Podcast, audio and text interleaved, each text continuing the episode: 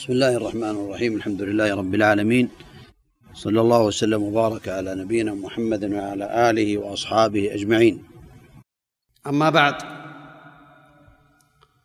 فلا شك ان الله تعالى خلق الجن والانس لعبادته وحده لا شريك له والله تعالى لم يخلق الجن والانس جميع المخلوقات عبثا إنما خلقهم لحكمة عظيمة فمن حكمة خلق الجن والإنس عبادة الله تعالى كما قال الله تبارك وتعالى وما خلقت الجن والإنس إلا ليعبدون ما أريد منهم من رزق وما أريد أن يطعمون إن الله هو الرزاق ذو القوة المتين.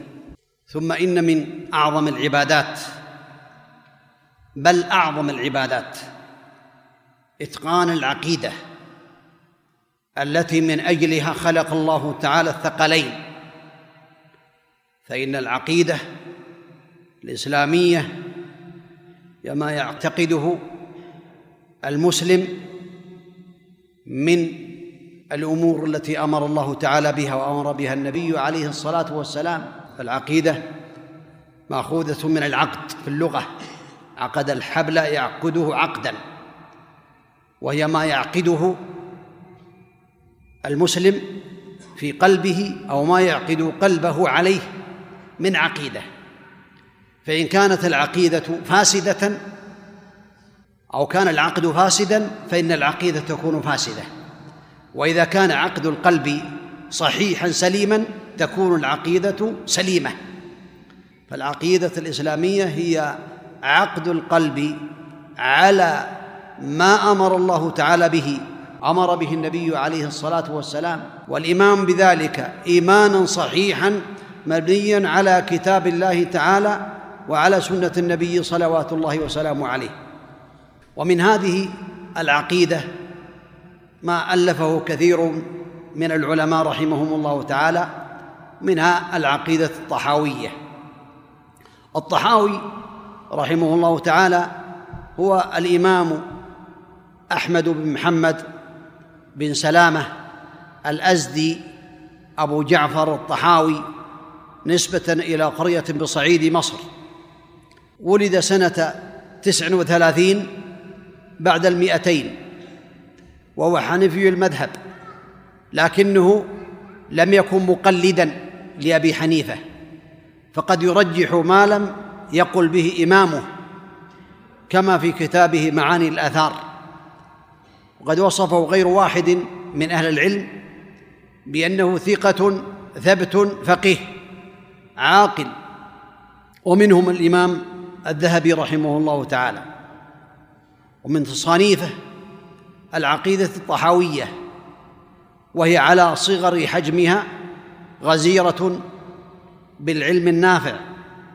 والعقيدة الصحيحة سلفية المنهج تجمع بين دفتيها كل ما يحتاجه المسلم في الغالب يعني في الغالب. ومن تصانيفه كذلك معاني الآثار وهو كتاب يعرض فيه الأبحاث الفقهية مقرونة بدليلها ويذكر في أثناء ذلك المسائل الخلافية ويسرد أدلتها ويناقش ثم يرجح ما استبان له منها. ومن تصانيفه كذلك مشكل الآثار في نفي التضاد واستخراج الأحكام منها. توفي رحمه الله تعالى في أول ذي القعدة ليلة الخميس بمصر سنة إحدى وعشرين بعد الثلاثمائة. فهو رحمه الله تعالى إمام في هذا الشأن. وهذه العقيدة سنستمع إليها إن شاء الله ويكون التعليق يسيرا لوضوحها ولعدم مشقتها ولحسن ألفاظها وفيها تعليق يسير لسماحة الإمام الشيخ عبد العزيز بن باز رحمه الله تعالى. إذا مرنا عليه نقرأه للإفادة ونسأل الله عز وجل أن ينفعنا وإياكم بما نسمع وأن يرزقنا وإياكم العلم النافع. والعمل الصالح التوفيق لما يحب ويرضاه. سم الله نعم. بسم الله الرحمن الرحيم. الحمد لله رب العالمين. قال العلامة حجة الإسلام أبو جعفر الوراق الطحاوي بمصر رحمه الله هذا ذكر بيان عقيدة أهل السنة والجماعة على مذهب فقهاء الملة أبي حنيفة النعمان بن ثابت الكوفي وأبي يوسف يعقوب بن إبراهيم الأنصاري وأبي عبد الله محمد بن الحسن الشيباني رضوان الله عليهم أجمعين. قال رحمه الله تعالى في هذا الحمد لله رب العالمين. أثنى الله على الله تعالى بالحمد. وهذا من الآداب أن يبدأ الإنسان بحمد الله تعالى وبالصلاة على النبي عليه الصلاة والسلام. وقوله رحمه الله تعالى هذا ذكر بيان عقيدة أهل السنة والجماعة. على مذهب فقهاء الملة.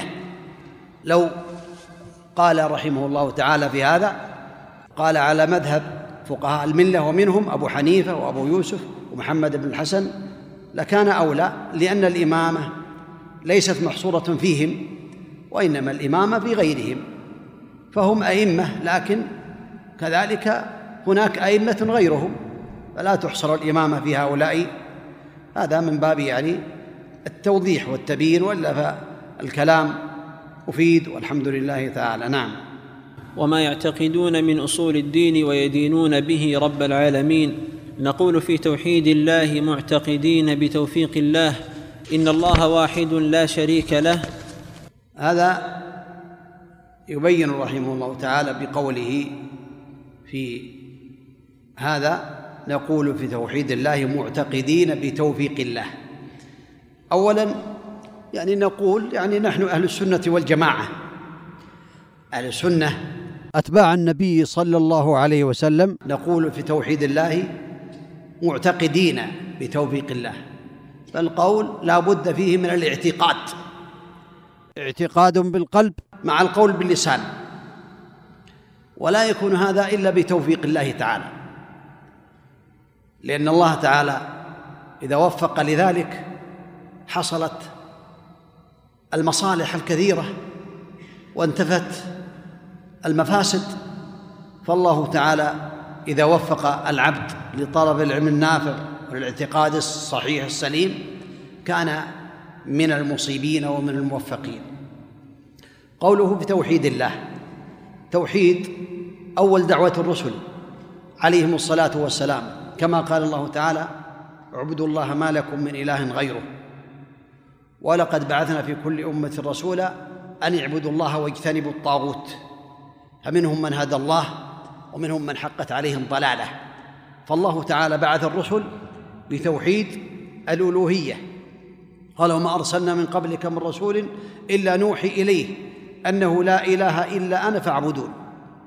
وقال النبي عليه الصلاة والسلام أمرت أن أقاتل الناس حتى يشهدوا أن لا إله إلا الله وأن محمدا رسول الله ويقيموا الصلاة ويؤتوا الزكاة.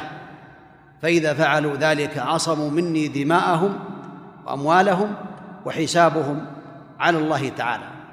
فالتوحيد هو أول الدعوة وأول ما يدعى إليه. ولهذا قال النبي عليه الصلاة والسلام حينما بعث معاذا إلى اليمن إنك تأتي قوما أهل كتاب فليكن أول ما تدعوهم إليه شهادة أن لا إله إلا الله فانهم أطاعوك لذلك فاعلمهم أن الله افترض عليهم خمس صلوات في اليوم والليلة. فالشاهد قوله عليه الصلاة والسلام فليكن أول ما تدعوهم إليه شهادة أن لا إله إلا الله. وفي رواية إلى أن يوحدوا الله. في رواية أخرى إلى أن يعبدوا الله. فالخلاصة أن التوحيد أول ما يدعى إليه وهو أعظم الواجبات على الإطلاق وهو ينقسم إلى أقسام ثلاثة. توحيد الألوهية وهو توحيد الله تعالى بأفعال العباد. لا يعبد إلا الله ولا يتوكل إلا على الله ولا يستغيث إلا به ولا يذبح إلا له ولا ينظر إلا له. وتكون العبادة تصرف لله تعالى وحده. هذا توحيد الألوهية توحيد العبادة صرف العبادة لله وحده. وتوحيد الربوبية وهو توحيد الله تعالى بأفعاله كالخلق والرزق والتدبير والإحياء والإماتة وهو الخافض الرافع المعز المذل بيده كل شيء سبحانه وتعالى. هذا توحيد الربوبية. وتوحيد الربوبية يستلزم توحيد الألوهية بمعنى أن الإنسان إذا اعتقد أن الله تعالى هو الخالق الرازق المدبر بيده كل شيء لا مانع لما أعطى ولا معطي لما منع. فهذا يلزمه أن لا يعبد إلا من يفعل هذه الأفعال. هذا يقال توحيد الربوبية يستلزم توحيد الألوهية. وتوحيد الألوهية يتضمن توحيد الربوبية فهو لم يعبد الله تعالى وحده إلا وهو قد آمن بأنه الخالق الرازق المدبر. وتوحيد الألوهية هو التوحيد الذي دعت إليه الرسل عليهم الصلاة والسلام. لأن المشركين كانوا يوحدون الله تعالى بتوحيد الربوبية. ولهذا قال الله تعالى عنهم ولئن سألتهم من خلق السماوات والأرض ليقولن الله لكنهم لم يدخلهم في الإسلام. ولهذا قال الشيخ محمد بن عبد الوهاب رحمه الله تعالى في القواعد الأربع أن تعلم أن المشركين الذين بعث فيهم النبي عليه الصلاة والسلام كانوا مقرون بتوحيد الربوبية ولكنه لم يدخلهم في الإسلام لأنهم ما أتوا بتوحيد الألوهية. فما عبدوا الله تعالى وحده بل عبدوا غيره طلبا للشفاعه والقربى وتوحيد الأسماء والصفات. إثبات ما أثبته الله تعالى لنفسه وما أثبته له رسوله عليه الصلاة والسلام من غير تحريف ولا تعطيل ولا تكييف ولا تمثيل. هذا هو منهج أهل السنة والجماعة. ونفي ما نفاه عن نفسه سبحانه وتعالى وما نفاه عنه رسوله عليه الصلاة والسلام. هذا خلاصة توحيد أنواع التوحيد ولعلنا نسمع تعليق سماحة الشيخ. على أنواع التوحيد. نعم. قوله نقول في توحيد الله إلى آخره قال العلامة ابن باز رحمه الله اعلم أن التوحيد الذي بعث الله به الرسل وأنزل به الكتب ينقسم إلى أقسام ثلاثة حسب استقراء النصوص من الكتاب والسنة وحسب واقع المكلفين. القسم الأول توحيد الربوبية وهو توحيد الله بأفعاله سبحانه وهو الإيمان بأنه الخالق الرازق المدبر لأمور خلقه المتصرف في شؤونهم في الدنيا والآخرة لا شريك له في ذلك. كما قال تعالى الله خالق كل شيء وقال سبحانه إن ربكم الله الذي خلق السماوات والأرض في ستة أيام ثم استوى على العرش يدبر الأمر الآية وهذا النوع قد أقر به المشركون عباد الأوثان وإن جحد أكثرهم البعث والنشور ولم يدخلهم في الإسلام لشركهم بالله في العبادة وعبادتهم الأصنام والأوثان معه سبحانه وتعالى وعدم إيمانهم بالرسول محمد صلى الله عليه وسلم. القسم الثاني توحيد العبادة ويسمى توحيد الألوهية وهي العبادة وهذا القسم هو الذي أنكره المشركون فيما ذكر الله عنهم سبحانه بقوله وعجبوا أن جاءهم منذر منهم وقال الكافرون هذا ساحر كذاب أجعل الآلهة إلها واحدا إن هذا لشيء عجاب وأمثالها كثير وهذا القسم يتضمن إخلاص العبادة لله وحده والإيمان بأنه المستحق لها وأن عبادة ما سواه باطلة وهذا هو معنى لا إله إلا الله فإن معناها لا معبود حق إلا الله كما قال الله عز وجل ذلك بأن الله هو الحق وأن ما يدعون من دونه هو الباطل. الآية من سورة الحج. القسم الثالث توحيد الأسماء والصفات وهو الإيمان بكل ما ورد في كتاب الله العزيز وفي السنة الصحيحة عن رسول الله صلى الله عليه وآله وسلم من أسماء الله وصفاته وإثباتها لله سبحانه على الوجه الذي يليق به من غير تحريف ولا تعطيل ومن غير تكييف ولا تمثيل كما قال الله سبحانه قل هو الله أحد الله الصمد لم يلد ولم يولد ولم يكن له كفوا أحد وقال سبحانه ليس كمثله شيء وهو السميع البصير وقال عز وجل ولله الأسماء الحسنى فادعوه بها وقال سبحانه في سورة النحل ولله المثل الأعلى وهو العزيز الحكيم.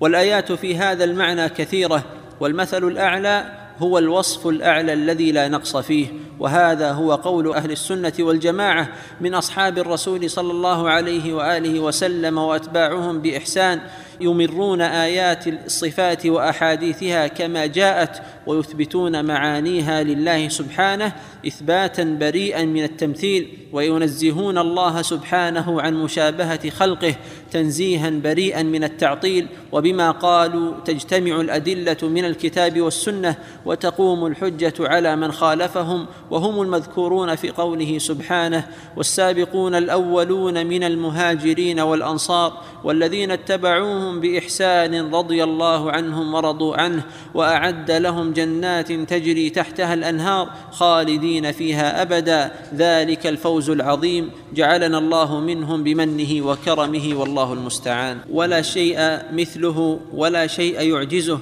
ولا إله غيره.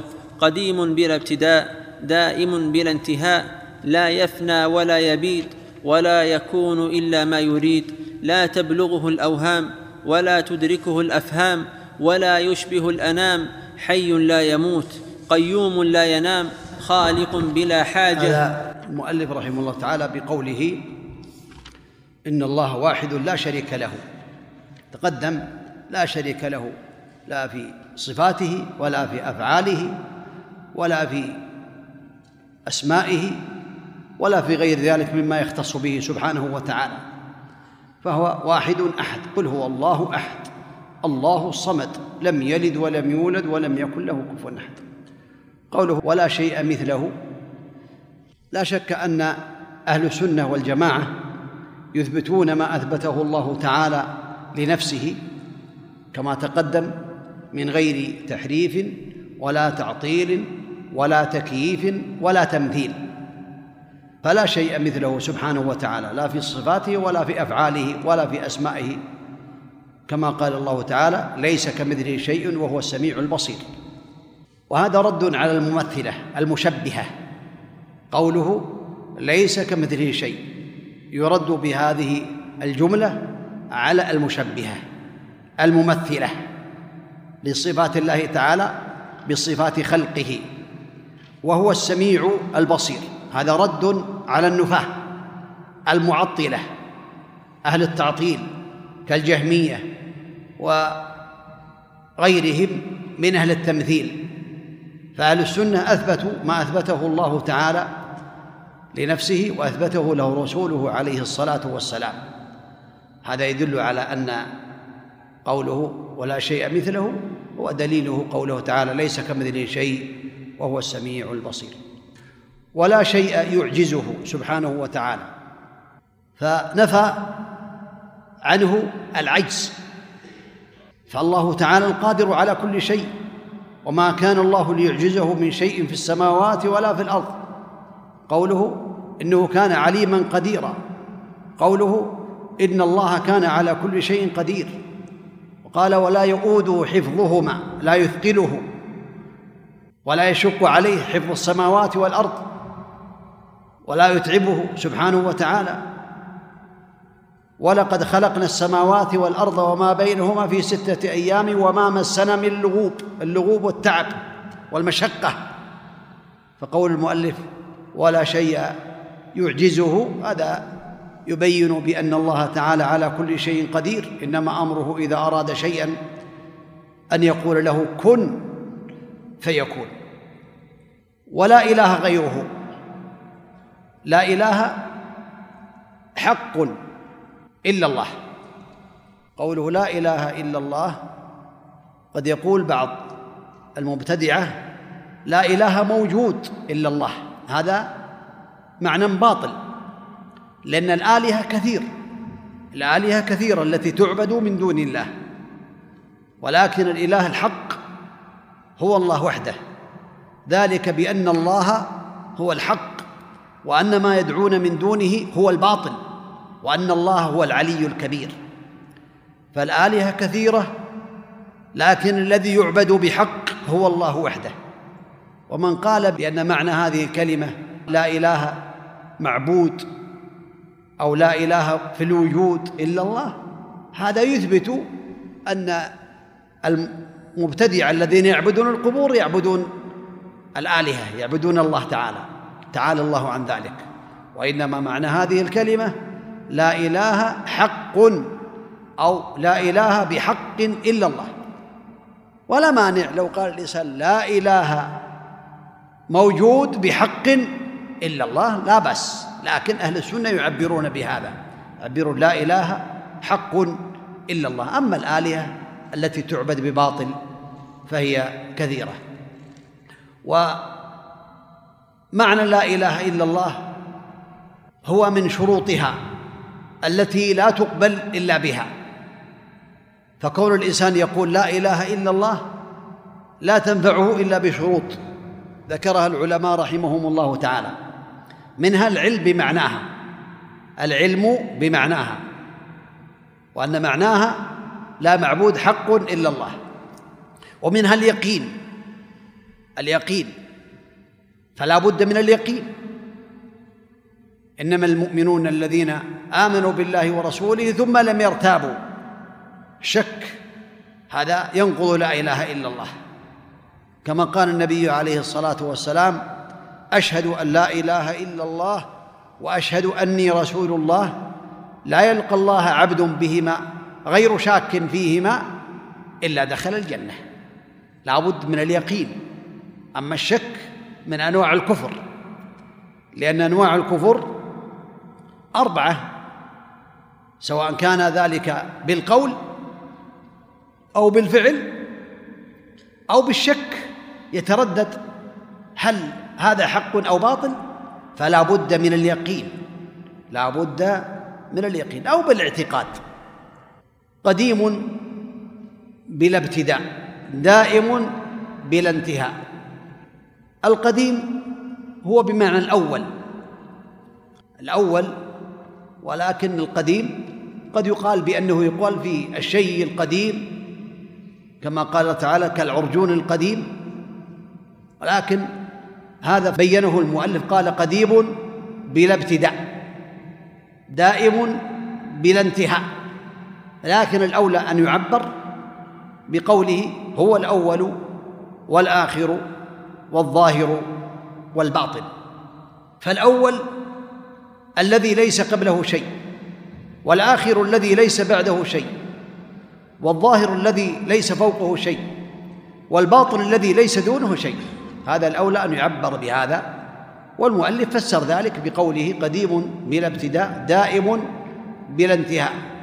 فهو دائم بمعنى هو الآخر الذي ليس بعده شيء سبحانه وتعالى. شوف التعليق سماحة الشيخ نعم.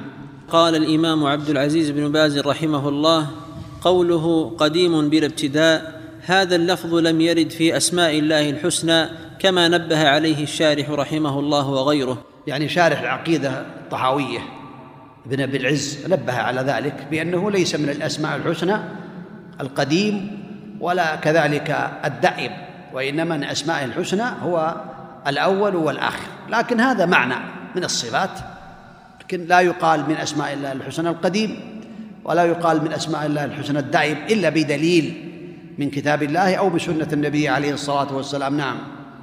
وإنما ذكره كثير من علماء الكلام ليثبتوا به وجوده قبل كل شيء وأسماء الله توقيفية لا يجوز إثبات شيء منها إلا بالنص من الكتاب العزيز أو السنة الصحيحة. ولا يجوز إثبات شيء منها بالرأي كما نص على ذلك أئمة السلف الصالح. ولفظ القديم لا يدل على المعنى الذي أراده أصحاب الكلام لأنه يقصد به في اللغة العربية المتقدم على غيره وإن كان مسبوقا بالعدم كما في قوله سبحانه حتى عاد كالعرجون القديم وإنما يدل على المعنى الحق بالزيادة التي ذكرها المؤلف وهي قوله قديم بلا ابتداء ولكن لا ينبغي عده في أسماء الله الحسنى لعدم ثبوته من جهة النقل ويغني عنه اسمه سبحانه الأول كما قال عز وجل هو الأول والآخر الآية والله ولي التوفيق. وهذه الكلمة كما تقدم قلت بأن الشرط الأول العلم والشرط الثاني اليقين والقبول. لا بد أن يقبل هذه الكلمة ويقبل ما دلت عليه ويعمل بمقتضاها حتى يكون قابلا لها. والانقياد ينقاد لجميع ما أمر الله به أمر به النبي عليه الصلاة والسلام. ولا بد من الصدق فيها. هذا الشرط الخامس يكون صادقا في قوله وفي فعله. يكون صادقا بالقول فالصدق يكون بالقول ويكون بالفعل كذلك. أما يقول بالقول ولا يصدق بأفعاله بامتثال أوامر الله والقيام بما أوجب الله والابتعاد عن الشرك والقيام بالتوحيد هذا هو الصدق في الأفعال وكذلك الأقوال. ولهذا ثبت عن النبي عليه الصلاة والسلام أنه قال في المؤذن إذا تابعه السامع أو المستمع إذا قال لا إله إلا الله فقال لا إله إلا الله من قلبه دخل الجنة أي يقول ذلك صادقا من قلبه يدخل الجنة إذن هذا لا بد من الصدق في هذه الكلمة. والشرط الآخر وهو المحبة لا بد من محبة هذه الكلمة لا إله إلا الله يحبها. من قلبه ويظهر العمل بما دلت عليه وما أمر الله به. ولهذا قال النبي عليه الصلاة والسلام ثلاث من كن فيه وجد بهن حلاوة الإيمان.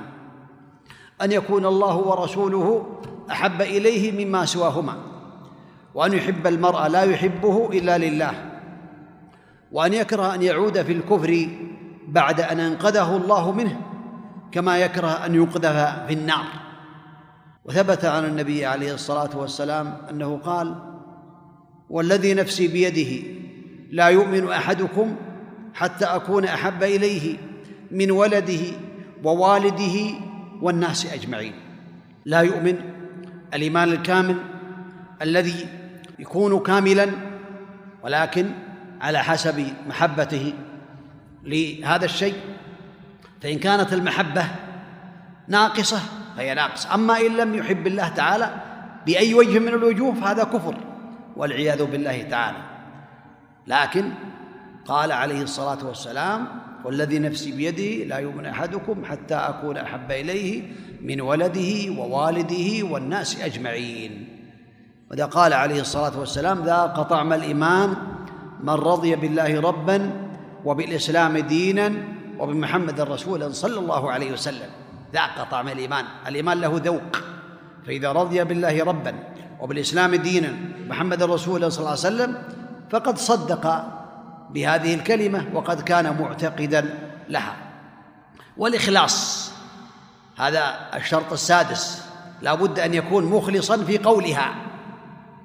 ولهذا قال النبي عليه الصلاة والسلام لأبي هريرة حينما سأله من أسعد الناس بشفاعتك يا رسول الله؟ قال أسعد الناس بشفاعة من قال لا إله إلا الله خالصا من قلبه أو نفسه. هذا يدل على أن قول لا إله إلا الله لا بد من الإخلاص في قولها ولا بد من العمل بمقتضاها بما دلت عليه.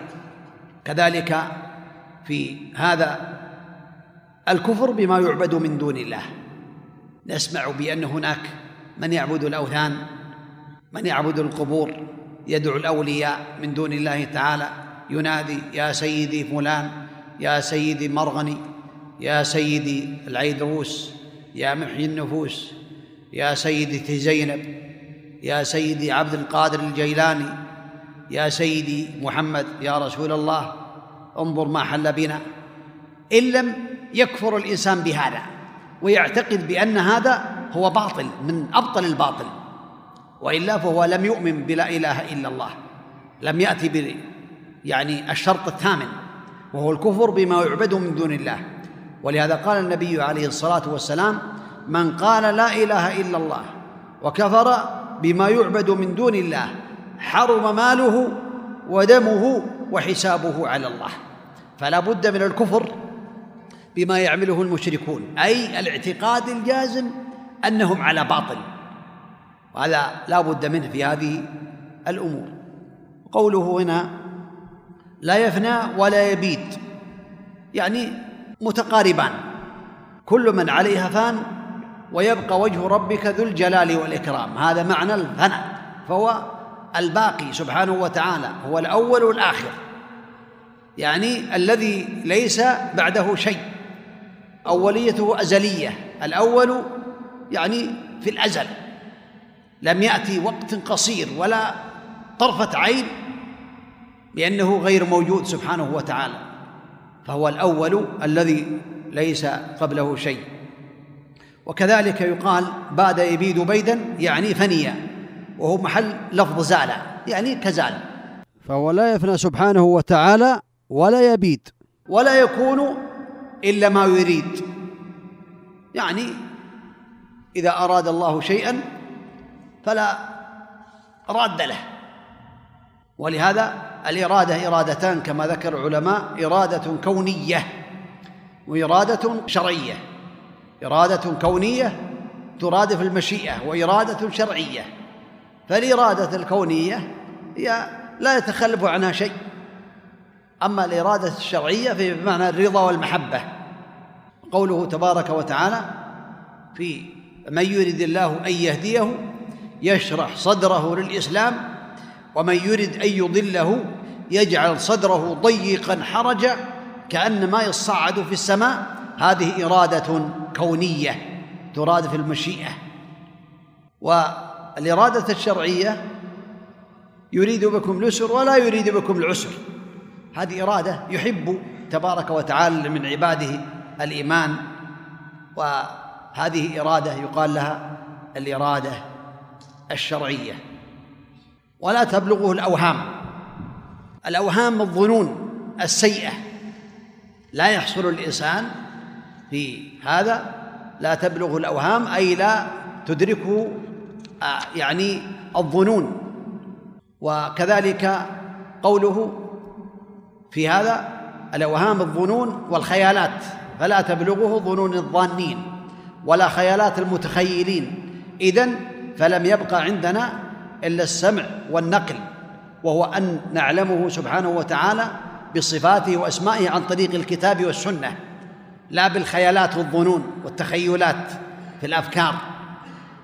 فلا يظن بالله تعالى ظن السوء وإنما صفاته ثبتت بالكتاب والسنة بالسبع بالقرآن والحديث. أما الظنون والتخيلات فلا يعني يكون لها مجالا في هذا الشأن. ولهذا قوله لا تدركه الأفهام العباد يعرفون ربهم بما هداهم الله تعالى به سبحانه وتعالى من الوحي من الآيات.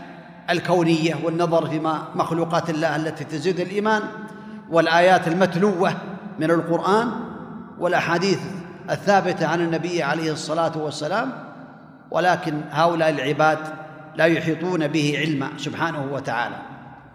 نعم. خالق بلا حاجة رازق بلا مؤونة. قوله تعالى ولا تدرك الأفهام ولا يشبه الأنام. يعني ما يشبه المخلوقين. لا يشبه الأنام ليس كمثله شيء وهو السميع البصير سبحانه وتعالى.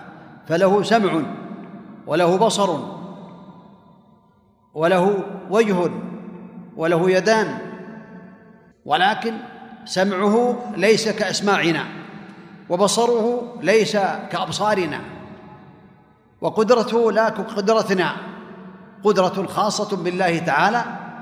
ليس كمثله شيء وهو السميع البصير. فالإنسان قد يقال للإنسان كريم وقد يقال له غني لكن الغنى ليس كغنى المخلوق ولا ككرم المخلوق.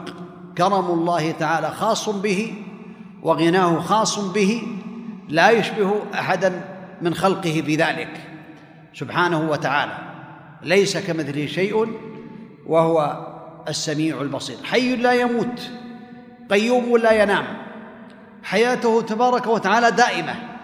الله لا إله إلا هو الحي القيوم. والقيوم هو القائم بنفسه القائم على عباده بما يحتاجون إليه يصمدون إليه في حاجاتهم وفيما يريدون يصمدون إليه يلجؤون إليه سبحانه وتعالى. خالق بلا حاجة. يعني ما يحتاج إلى خلقه سبحانه وتعالى. وما خلقت الجن والإنس إلا ليعبدون. ما أريد منهم من رزق وما أريد أن يطعمون. إن الله هو الرزاق ذو القوة المتين. فهو يخلق لكن خلقه ليس لحاجة. فالله غني عنا وغني عن عبادتنا. رازق بلا مؤنة أو مؤونة. أي ما يشق عليه ذلك. يرزق تبارك وتعالى من يشاء من خلقه ورزقه رزقان. رزق القلوب وهو أعظم الرزقين وهو ما رزقه تبارك وتعالى من الإيمان والتقوى لأنبيائه ورسله عليهم الصلاة والسلام بما أنزله عليهم من الوحي. هذا أعظم الرزقين. يرزق فالإيمان واليقين والتوفيق للعمل الصالح هذا من رزق الله تعالى وهو أعظم من رزق الأبدان بالطعام والشراب. فرزقه تبارك وتعالى بدون مشقة لعباده مميت بلا مخافة. يعني إذا مات البشر أو غيرهم من المخلوقات إذا ماتوا من الثقلين من الجن والإنس هذا لا يخاف منهم تبارك وتعالى. ولا يخاف عقباها ليس ذلك وإنما هذا شيء كتبه الله تعالى ب يعني أمره ولحكمة علمها سبحانه وتعالى. باعث بلا مشقة يبعث العباد من قبورهم تبارك وتعالى ولكن لا يشق عليه ذلك. بلا مشقة. كذلك ما زال بصفاته قديما قبل خلقه لم يزدد بكونه شيئا يعني بكونهم يعني بوجودهم لم يزدد بوجودهم شيئا. كما قال النبي عليه الصلاة والسلام في الحديث الذي رواه مسلم يا عبادي لو أن أولكم وآخركم وجنكم وإنسكم كانوا على أفجر قلب رجل واحد منكم ما نقص ذلك من ملكي شيئا. لو كان الناس كلهم فجار على قلب فرعون ما نقص من ملك الله شيئا. يا عبادي لو أن أولكم وآخركم وجنكم وإنسكم كانوا على أتقى قلب رجل واحد منكم ما زاد ذلك في ملكي شيئا. لو كان الناس كلهم على قلب محمد بن عبد الله عليه الصلاة والسلام ما زاد ذلك في ملك الله شيئا. سبحانه وتعالى. يا عبادي لو أن أولكم وآخركم وجنكم وإنسكم قاموا في صعيد واحد فسألوني فأعطيت كل واحد مسألته ما نقص ذلك مما عندي إلا كما ينقص المخيط إذا أدخل البحر.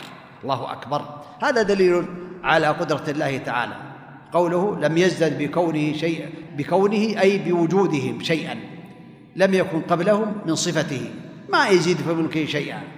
وكما كان بصفاته ازليا كذلك لا يزال عليها ابديا صفات الله تعالى سمعه وبصره وقدرته وحلمه وعلمه صفاته هي أزلية أي لا أول لها. وصفات الله تعالى على نوعين صفات ذاتية وصفات فعلية. فالصفات الذاتية هي الملازمة لله تعالى لا تنفك عنه. كالحياة والسمع والبصر والقدرة وغير ذلك من صفاته التي تلازمه سبحانه وتعالى. وصفات فعلية يفعلها إذا شاء إذا شاء فعلها كاستواء على العرش والغضب إذا غضب نعوذ بالله من غضبه فهذا يغضب إذا شاء ويستوي إذا شاء.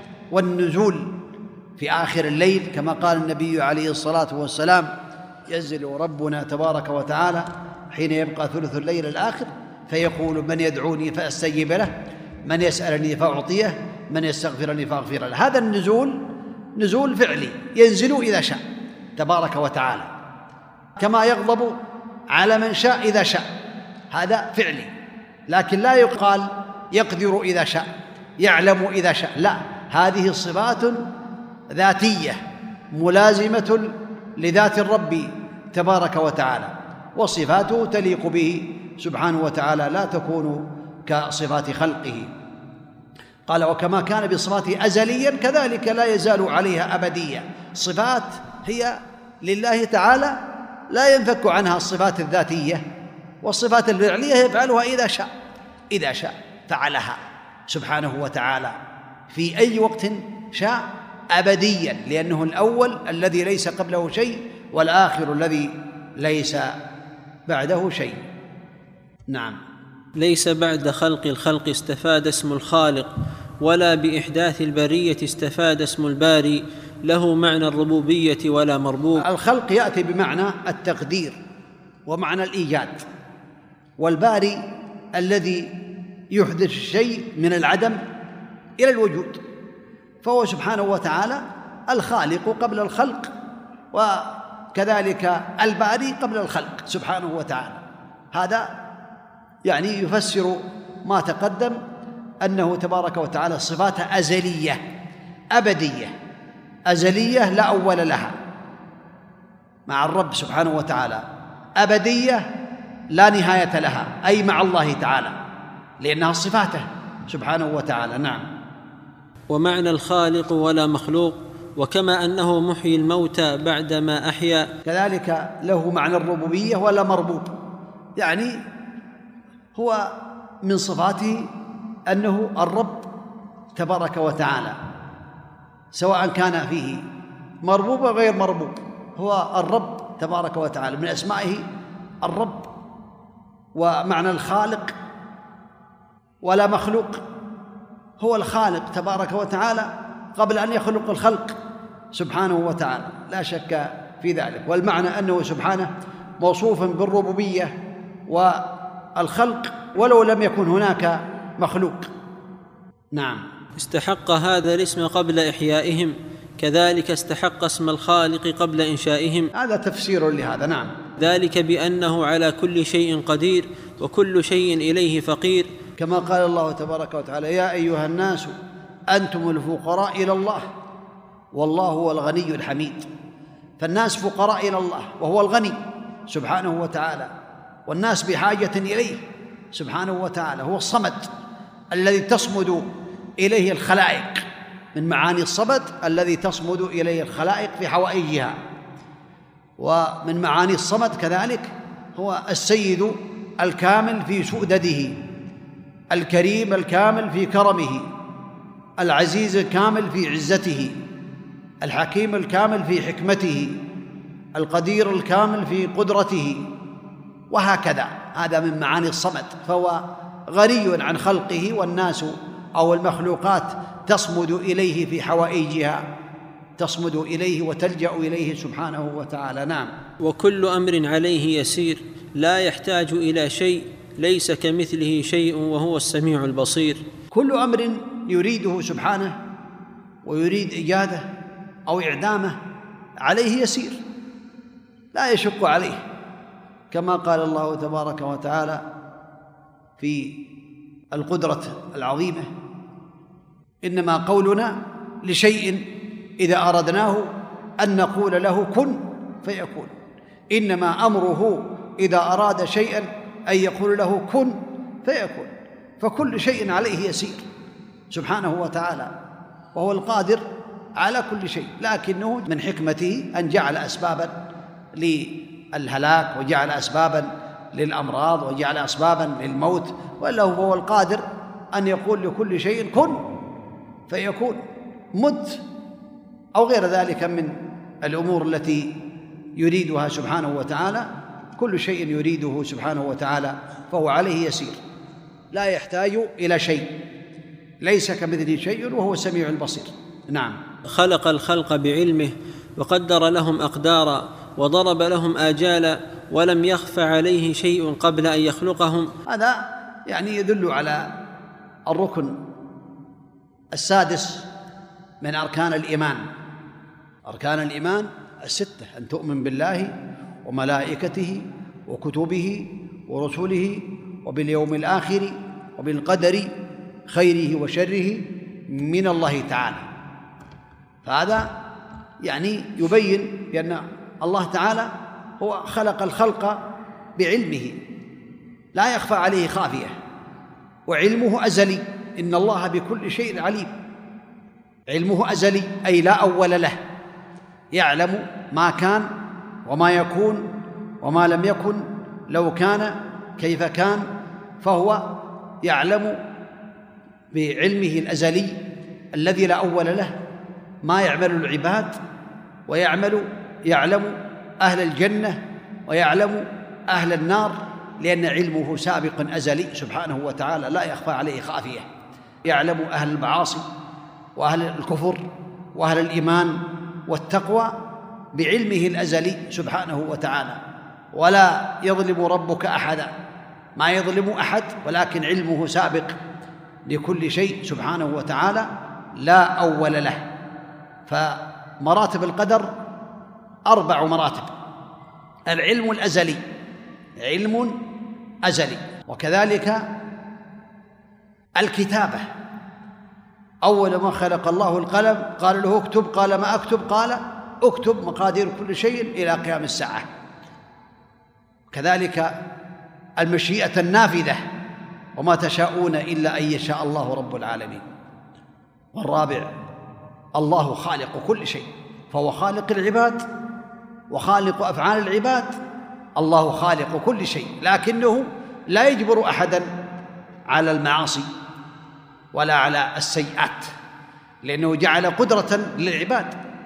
جعل لهم قدرة جعل لهم استطاعة ويعملون فهو لهم جعل لهم اختيارا ولكنه تبارك وتعالى خالق كل شيء الله خالق كل شيء.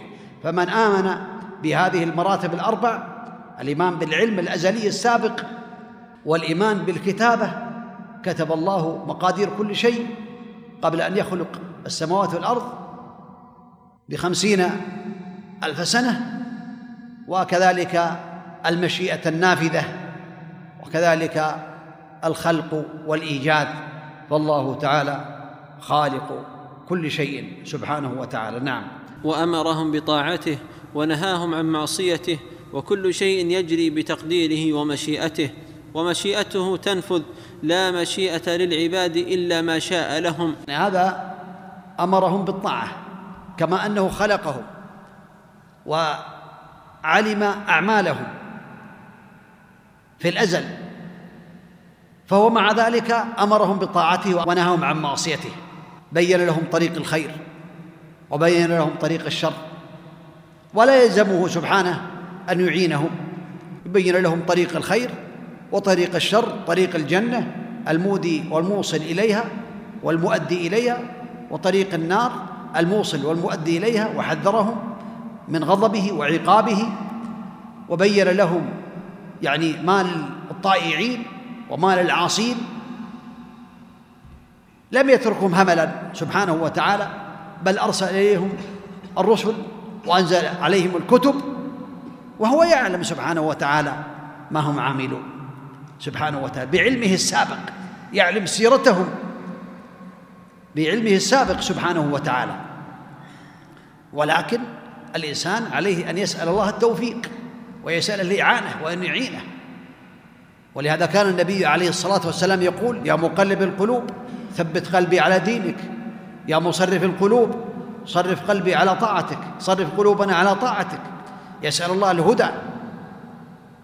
يا علي سل الله الهدى والسداد. واذكر بالهدى هداية الطريق والسداد إصابة السهل الغرض. أو كما قال عليه الصلاة والسلام الإنسان يسأل الله التوفيق ويسأل الله الجنة ويعوذ به من النار. والله تعالى قد علم ما يعمل العباد سبحانه وتعالى وعلم أهل الجنة وعلم أهل النار.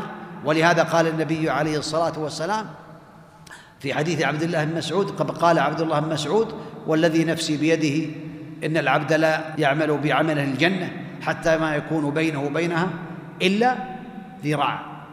فيسبق عليه الكتاب المكتوب. فيعمل بعمل أهل النار فيدخلها. هذا يبين بأنه بعمل ما دخل النار إلا بعمل.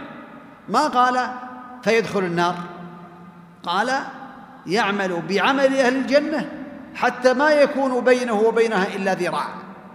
ولم يقل فيدخل النار لا قال فيعمل بعمل أهل النار. إذن فعلى العبد يجب عليه أن يبتعد عن عمل أهل النار. فإذا ابتعد عن عمل أهل النار فإنه بهذا يكون من أهل الجنة بتوفيق الله تعالى. وإن الرجل ليعمل بعمل أهل النار حتى ما يكون بينه وبينها إلا ذراع. فيسبق عليه الكتاب فيعمل بعمله الجنة فيدخلها. قال فيعمل. إذن العمل هو من أسباب دخول الجنة. عمل الصالحات والعمل بالسيئات والمعاصي من أسباب دخول النار. إذن على العبد أن لا يعمل بعمل أهل النار ويجب عليه أن يعمل بعمل أهل الجنة حتى لا يكونوا من القدرية. الجبرية الذين يقولون مجبور على أعمالهم لا أنت اعمل بعمل الجنة وسل الله التوفيق. ولهذا قال الصحابة يا رسول الله حينما سألوه عن القدر المكتوب قالوا يا رسول الله ففيما العمل؟ ما دام كل شيء معلوم عند الله فمما العمل؟ قال اعملوا فكل ميسر لما خلق له. أما من كان من أهل السعادة فييسر لعمل أهل السعادة. وأما من كان من أهل الشقاوة فييسر لعمل أهل الشقاوة. نسأل الله بوجه كريم أن يجعلنا وإياكم من أهل السعادة ونعوذ بوجه الله الكريم أن نكون من أهل الشقاوة. إنه على كل شيء قدير. اعملوا فكل ميسر لما خلق له. وهذا يجعل الإنسان دائما خائفا راجيا. يرجو الله لأن الله لا يظلم احدا من عباده. وما ربك بظلام للعبيد. ما يظلم أحد. وإن تكون مثقال ذرة ما يظلمه أحد سبحانه وتعالى. ما يظلم احدا من عباده. هذا يرجو الرجاء. ويخاف من عقابه يخاف من عدم التوفيق. ولهذا يسأل الله تعالى دائما الثبات على دينه والسلامة ويسأل الله العفو والعافية. إذن الخلاصة أن على العبد أن يعمل بالأسباب. ومشيئة الله تعالى تنفذ. وهي يعني المشيئة هي ترادف الإرادة الكونية. لا مشيئة للعباد إلا ما شاء لهم. وما تشاءون إلا أن يشاء الله رب العالمين. ما تشاءون إلا أن يشاء الله رب العالمين. نعم. قال هنا ومشيئته يعني وكل شيء يجري بتقديره ومشيئته ومشيئته تنفذ لا مشيئة للعباد إلا ما شاء لهم. كما قال الله تعالى وما تشاءون إلا أن يشاء الله رب العالمين. الله له مشيئة. ومشيئة الله نافذة. والعبد له مشيئة. لكنها بمشيئة الله تعالى فهم لا يشاءون إلا بمشيئة الله تبارك وتعالى. فما شاء لهم كان وما لم يشاء لم يكن. نعم. يهدي من يشاء ويعصم ويعافي فضلا ويضل من يشاء ويخذل ويبتلي عدلا.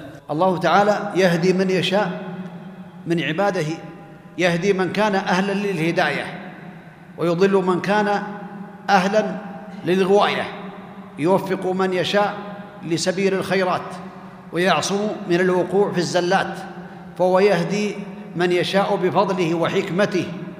ولا شك أن الهداية هدايتان هداية التوفيق والإلهام والتسديد وهذه لله تعالى وهداية الإرشاد والتوجيه والتعليم فهي كذلك من الله وكذلك العباد لهم هداية التوجيه والإرشاد والتعليم. أما هداية التوفيق والإلهام فهي لله تبارك وتعالى فهو يضل من يشاء ويهدي من يشاء سبحانه وتعالى. ويخذل ويبتلي عدلا يخذل أي يخذل من يشاء. الخذلان عدم التوفيق وكذلك يبتلي من يشاء عدلا يصيب من يشاء بالبلاء عدلا أي بعدله وحكمته كما بين العلماء رحمهم الله تعالى. نعم. وكلهم يتقلبون في مشيئته بين فضله وعدله وهو متعال عن الأضداد والأنداد لا راد لقضائه ولا معقب لحكمه. قوله وهو متعال على الأنداد يعني سبحانه وتعالى لا معقب لحكمه سبحانه وتعالى. فالأنداد المضاد المقاوم المدافع. هو متعال سبحانه وتعالى على الأضداد الضد وهو المقاوم المدافع والند المثل. ولا رد لقضائه ولا معقب لحكمه أي لا مؤخر لحكمه فهو حكمه تبارك وتعالى ماض لا راد له. ولا غالب لأمره نعم. ولا راد لقضائه ولا معقب لحكمه ولا غالب لأمره. آمنا بذلك كله وأيقنا أن كلا من عنده وأن محمدا عبده المصطفى ونبيه المجتبى. يعني آمنا بذلك كله وأيقنا. الإيمان واليقين. لا بد من التصديق مع اليقين. وأن كلا من عنده تبارك وتعالى. وأن محمدا عبده المصطفى عليه الصلاة والسلام. المصطفى هو المختار ونبيه المجتبى. المجتبى كذلك هو من كذلك قريبا من الاختيار ورسوله المرتضى الذي أرتضاه الله تعالى وأرسله للثقلين للجن والإنس وجعل رسالته عليه الصلاة والسلام عامة لجميع الجن والانس نعم وأنه خاتم الأنبياء وإمام الأتقياء وسيد المرسلين وحبيب رب العالمين. وكل دعوى النبوة بعده فغي وهوى وهو المبعوث إلى عامة الجن وكافة الورى بالحق والهدى وبالنور والضياء وأن القرآن كلام الله. كذلك النبي عليه الصلاة والسلام هو خاتم الأنبياء والمرسلين عليه الصلاة والسلام. لا نبي بعده عليه الصلاة والسلام. كما بين الله تبارك وتعالى ذلك فهو خاتم الأنبياء ولا نبي بعده صلوات الله وسلامه عليه وإمام الأتقياء الأتقياء الأنبياء عليهم الصلاة والسلام والصالحين من البشر وغيرهم هو إمام الأتقياء عليه الصلاة والسلام وسيد المرسلين عليه الصلاة والسلام بل سيد الناس أجمعين. ولهذا يقول النبي عليه الصلاة والسلام أنا سيد ولد آدم يوم القيامة ولا فخر. عليه الصلاة والسلام. وحبيب رب العالمين. الأولى أن يقول المؤلف حبيب يعني خليل رب العالمين. لأن الله يحب المتقين ويحب المحسنين ويحب المؤمنين ويحب الأنبياء والمرسلين. ولكن أعلى من ذلك أن يقال وهو خليل رب العالمين. لأن إبراهيم عليه الصلاة والسلام هو خليل الله. خليل الله إبراهيم صلوات الله وسلامه عليه وكذلك محمد عليه الصلاة والسلام. فهو خاتم الأنبياء وسيد المرسلين عليه الصلاة والسلام. ما كان محمدا أبا أحد من رجالكم ولكن رسول الله وخاتم النبيين. وإمام الأتقياء جميع المتقين من الأنبياء والصالحين هو محمد عليه الصلاة والسلام وهو سيد الأولين والآخرين صلوات الله وسلامه عليه. وحبيب رب العالمين الله يحب الرسل والصالحين وكل مؤمن له حظ من محبة الله تعالى. ولا شك أن خليل رب العالمين أولى لأن الخلة هي أعلى المحبة. الخلة أعلى مراتب المحبة. قد أخبر الله تعالى بقوله واتخذ الله إبراهيم خليلا. وأخبر النبي عليه الصلاة والسلام في الحديث الصحيح إن الله اتخذني خليلا كما اتخذ إبراهيم خليلا. رواه مسلم وغيره. وهو عليه الصلاة والسلام المبعوث إلى عامة الجن وكافة الورى يعني الجن والإنس فهو رسول الله تعالى حقا للجن والإنس لا نبي بعده عليه الصلاة والسلام. وهنا نقف على هذا الموقف نقف على وكافة الورى بالحق والهدى وبالنور والضياء ونقف على وأن القرآن كلام الله تعالى. لعلنا إن شاء الله نستدرك ذلك في درس آخر في أيام قادمة. وبالله التوفيق. نسأل الله تعالى بأسماء الحسنى وصفاته العلى أن يجعلنا وإياكم من الذين يستمعون القول فيتبعون أحسنه إنه ولي ذلك والقادر عليه. وصلى الله وسلم وبارك على نبينا محمد وعلى آله وأصحابه أجمعين. الحمد لله نحمده ونستعينه ونعوذ بالله من شرور أنفسنا وسيئات أعمالنا. من يهده الله فلا مضل له ومن يضلل فلا هادي له وأشهد أن لا إله إلا الله وحده لا شريك له وأشهد أن محمدا عبده ورسوله. صلى الله عليه وعلى آله وأصحابه وسلم تسليما كثيرا. أما بعد أيها الإخوة كنت معكم في الأسبوع الماضي في التعليقات على العقيدة المباركة العقيدة الطحاوية.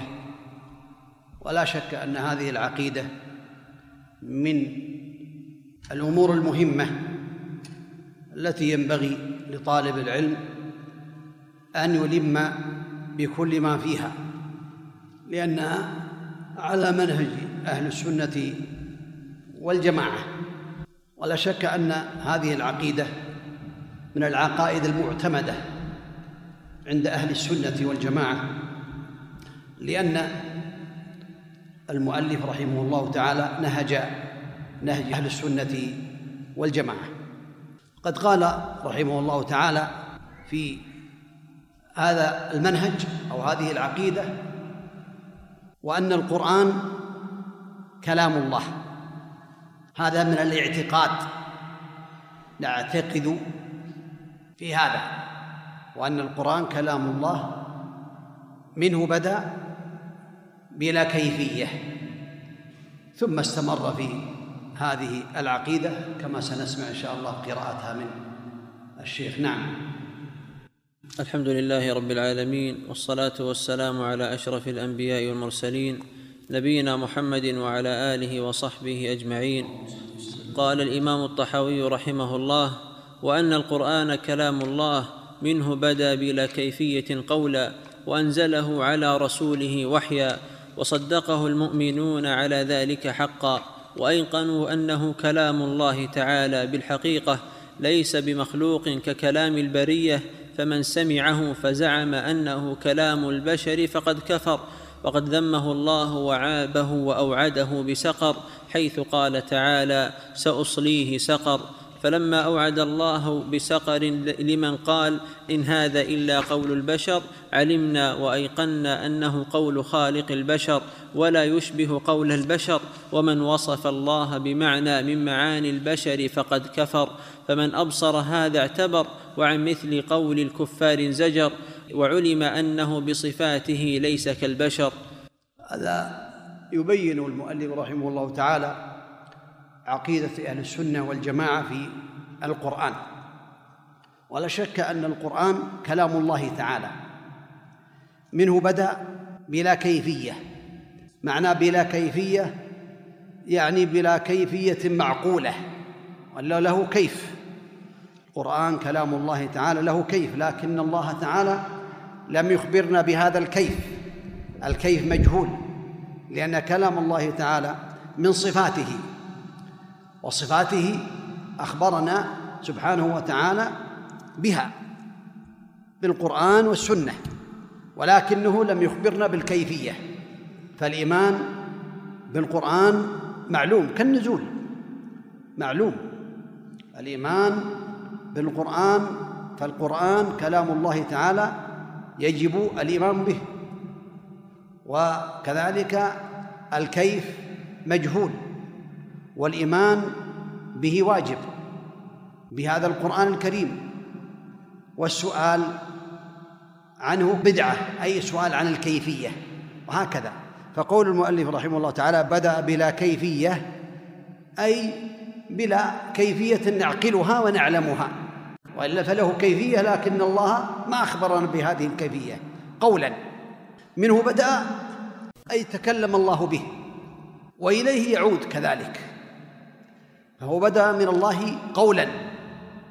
حروفه ومعانيه من الله تعالى تكلم به على الوجه اللائق به ليس ككلام خلقه.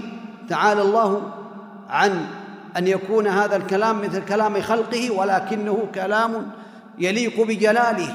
سبحانه وتعالى ليس كمثله شيء وهو السميع البصير. منه بدأ وإليه يعود. إليه يعود لأنه من كلامه وإليه يعود كما جاء في الأخبار أنه في آخر الزمان حينما يهجر القرآن ويكفر الناس ولا يعملوا بالقرآن فيصبح عندهم لا يعملون به فحينئذ يسرى عليه ليلا فيصبح الناس والمصاحف بيضاء ليس فيها قرآن منه بدأ وإليه يعود. سبحانه وتعالى فهو كلام الله تعالى قولا. أنزله على رسوله وحيا أي تكلم الله به كلاما بمعانيه وسمعه جبريل من الله تعالى وسمعه محمد صلى الله عليه وسلم من جبريل وقرأه النبي عليه الصلاة والسلام وبلغه للناس عليه الصلاة والسلام. هذا هو القرآن. تكلم الله به وسمعه جبريل وسمعه النبي عليه الصلاة والسلام من جبرائيل وألقاه النبي عليه الصلاة والسلام على الناس صلوات الله وسلامه عليه. وحيا وصدقه المؤمنون على ذلك حقا. المؤمنون يصدقون بما أخبر به النبي عليه الصلاة والسلام لأنهم يعلمون أن الله تبارك وتعالى هو الذي أرسله. عليه الصلاة والسلام فهم يصدقونه ويصدقون ما جاء به عليه الصلاة والسلام. وأيقنوا أنه كلام الله تعالى بالحقيقة ليس بمخلوق ككلام البرية. الكلام كلام الله ليس من مخلوقاته لأن الكلام كلام الله في القرآن هو من صفاته سبحانه وتعالى من الصفات التي يتصف الله تعالى بها هذا القرآن من صفات الله تعالى لأنه كلامه. فمن سمعه فزعم أنه كلام البشر فقد كفر. لا شك أنه لأنه كذب الله وكذب النبي عليه الصلاة والسلام فحينئذ يكفر من كذب الله وكذب النبي عليه الصلاة والسلام. وقد ذمه الله وعابه وأوعده بسقر حيث قال تعالى سأصليه سقر. فلما أوعد الله تعالى بسقر لمن قال إن هذا إلا قول البشر قال المؤلف علمنا وأيقنا أنه قول الخالق البشر فهو قول الله تعالى ولا يشبه قول البشر. ومن وصف الله بمعنى من معاني البشر فقد كفر لأنه شبه الله بخلقه تبارك وتعالى والله تعالى ليس كمثله شيء وهو السميع البصير. فمن أبصر هذا اعتبر وعن مثل قول الكفار انزجر وعلم أنه بصفاته ليس كالبشر سبحانه وتعالى. ولا أحب أن أخوض في كلام المعتزلة أنهم يقولون بأن القرآن مخلوق وغيرهم من أصحاب المذاهب الهدامة البدعية لأن السلامة من أقوالهم فيها نجاح إلا من أراد الرد عليهم. فإذا كان الناس والدعاة إلى الله تعالى والعلماء يردون عليهم فحينئذ يبينون مذاهبهم. المعتزله قالوا بأنه ليس كلام الله تعالى وإنما هو مخلوق. والله تعالى قد رد عليهم ورد عليهم النبي عليه الصلاة والسلام وهو كلام الله تعالى. الحروف والمعاني كلام الله تبارك وتعالى. نعم. والرؤية حق لأهل الجنة بغير إحاطة ولا كيفية كما نطق به كتاب ربنا. وجوه يومئذ ناظرة إلى ربها ناظرة وتفسيره على ما أراده الله تعالى وعلمه وكل ما جاء في ذلك من الحديث الصحيح عن الرسول صلى الله عليه وسلم فهو كما قال ومعناه على ما أراد لا ندخل في ذلك متأولين بآرائنا. ولا متوهمين بأهوائنا فإنه ما سلم في دينه إلا من سلم لله عز وجل ولرسوله صلى الله عليه وسلم ورد علم ما اشتبه عليه إلى عالمه. هذا من عقائد أهل السنة والجماعة أنهم يؤمنون بالرؤية لله تعالى. الرؤية حق لأهل الجنة أي رؤية المؤمنين لله تعالى. الله تعالى قد قال وجوه يومئذ ناظرة إلى ربها ناظرة. ناظرة مشرقة فيها نور وسرور إلى ربها ناظرة أي تنظر بأبصارها إلى الله تعالى. والرؤية التي يرونها لله تعالى على الوجه اللائق به ليس كرؤية القمر وإنما رؤية على الوجه اللائق به سبحانه وتعالى وهي أعلى نعيم أهل الجنة. الرؤية أو النظر إلى وجه الله الكريم هو أعلى نعيم أهل الجنة. ولهذا قال الله تعالى للذين أحسنوا الحسنى وزيادة. والزيادة جاءت في الأحاديث بأنها النظر إلى وجه الله الكريم. نسأل الله بوجهه الكريم أن يجعلنا وإياكم ممن ينظرون إلى وجهه الكريم سبحانه وتعالى في جنات النعيم. فلا شك أن هذا من أعظم نعيم أهل الجنة. ولا شك أن النبي عليه الصلاة والسلام اختلف هل رأى ربه بعيني رأسه عليه الصلاة والسلام أم لم يره.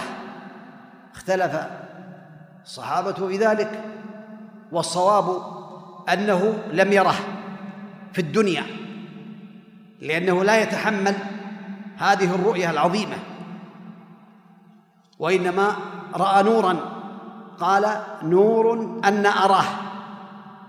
أما كونه رأى الله في الدنيا بعيني رأسه فالصواب أنهم لم يراه عليه الصلاة والسلام وإنما يراه المؤمنون يوم القيامة حينما يتجلى سبحانه وتعالى في عرصات القيامة وكذلك في الجنة. فالمؤمنون يرون ربهم في عرصات القيامة حينما يجيء لفصل القضاء سبحانه وتعالى كما ذكر أهل العلم ذلك ويرونه في الجنة على الوجه اللائق به سبحانه وتعالى. ولا شك أن هذا من أعظم نعيم أهل الجنة. قال وتفسيره على ما أراده الله تعالى وعلمه. وكل ما جاء في ذلك من الحديث الصحيح عن الرسول صلى الله عليه وسلم فهو كما قال ومعناه على ما أراد. يعني لا نؤول ولا نشبه ولا نحرف وإنما نثبت هذه الرؤية على الوجه اللائق بالله تبارك وتعالى فرؤية المؤمنين له يوم القيامة ليس كرؤية المخلوق للمخلوق وإنما هي رؤية المخلوق للخالق على الوجه اللائق بالخالق سبحانه وتعالى ليس كمثله شيء وهو السميع البصير. ثم قال هنا ومعناه على ما أراد لا ندخل في ذلك متأولين. يعني التأويل لا نؤول والتأويل كما ذكر العلماء أنواع. تأويل بمعنى التفسير كما يقول الطبري رحمه الله تعالى بن جرير في تفسيره يقول القول في تأويل قوله تعالى يعني التفسير. والنوع الثاني من أنواع التأويل هي العاقبة وهو بمعنى الذي يؤول إليه الشيء فرؤية النار ونعيم الجنة والمحشر يوم القيامة. تأويل ما أخبرت به النصوص من الكتاب والسنة هو ما يحصل يوم القيامة تأويل العاقبة. فإذا أخبر الله تعالى بالجنة وأخبر بالنار وأخبر ب يعني المحشر أخبر بالصراط تأويله هو عاقبته وما يؤول إليه يوم القيامة. أما التأويل الباطل الذي يذكره المؤلف هنا فهو في تأويل الصفات. وهو صرف اللفظ عن ظاهره في الاحتمال الراجح إلى احتمال مرجوح. وتأويل الكلام بكلام فاسد كتأويل المبتدعة من الأشاعرة وغيرهم لبعض صفات الله تعالى. هذا هو التأويل المذموم. فقول يعني المؤلف غير متأولين بآرائنا ولا متوهمين بأهوائنا أي لا نتوهم بأهوائنا في هذه الأمور خلاف الظاهر الذي تدل عليه النصوص فانه ما سلم في دينه إلا من سلم لله عز وجل ولرسوله عليه الصلاة والسلام ورد علم ما اشتبه عليه إلى عالمه يرد العلم إلى أهل العلم لا يتأول في الكلام وهو لا يدري ولا يعقل يسأل أهل العلم فاسألوا أهل الذكر إن كنتم لا تعلمون. ثم قال نعم. ولا تثبت قدم الإسلام إلا على ظهر التسليم والاستسلام فمن رام علم ما حضر عنه علمه ولم يقنع بالتسليم فهمه حجبه مرامه عن خالص التوحيد وصافي المعرفة وصحيح الإيمان فيتذبذب بين الكفر والإيمان والتصديق والتكذيب والإقرار والإنكار موسوسا تائها شاكا لا مؤمنا مصدقا ولا جاحدا مكذبا. لا شك أن قول المؤلف هنا ولا تثبت قدم الإسلام إلا على ظهر التسليم والاستسلام. فهو في هذا يصور الإسلام كأن له قدما يقوم عليها. والتسليم بأنه مركب ثابت القدم راكبة على هذا المركب. فإذا اعتمد الإنسان عليه استقر وأمن السقوط والاضطراب. هذا معنى كلام المؤلف. ولا تثبت قدم صوره بأنه كأنه مركب. ويعني لا تثبت إلا على ظهر التسليم والاستسلام.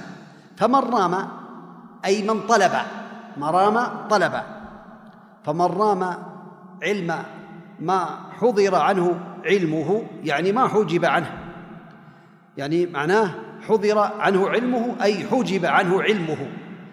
يعني يطلب العلم المحجوب الذي لا يراه. ومن العلم المحجوب كيفية الصفات والأمور الغيبية. ولم يقنع بالتسليم فهمه حجبه مرامه أي ما طلب عن خالص التوحيد. يعني ما يصل إلى خالص التوحيد لأنه بهذا سيحرف أو يعطل أو يؤول التأويل الباطل. قال حجبه عن خالص التوحيد وصافي المعرفة.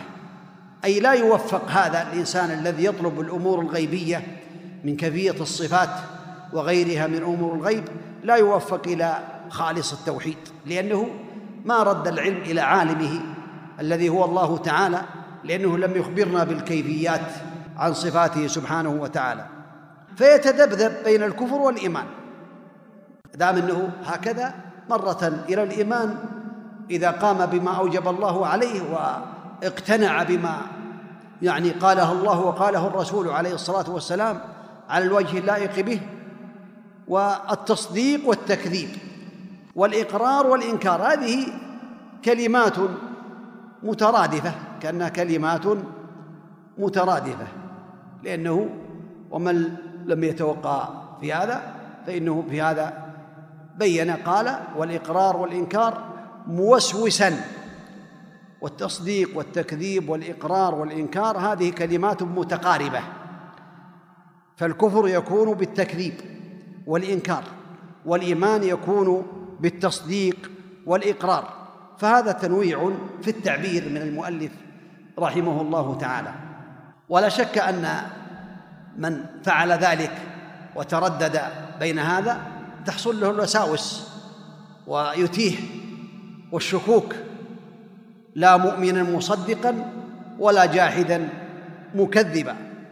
فهو يكون بين ذلك لا يوفق للخير. نسأل الله العفو والعافية في الدنيا والآخرة.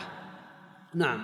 ولا يصح الإيمان بالرؤية لأهل دار السلام لمن اعتبرها منهم بوهم أو تأولها بفهم إذ كان تأويل الرؤية وتأويل كل معنى يضاف إلى الربوبية بترك التأويل ولزوم التسليم وعليه دين المسلمين. ومن لم يتوقى النفي والتشبيه كذلك قال المؤلف رحمه الله تعالى ولا يصح الإيمان بالرؤية لأهل دار الإسلام لمن اعتبرها منهم بوهم يعني إذا كان عنده أوهام عنده شكوك فلا يصح الإيمان بهذا لا بد أن يكون عنده يقين.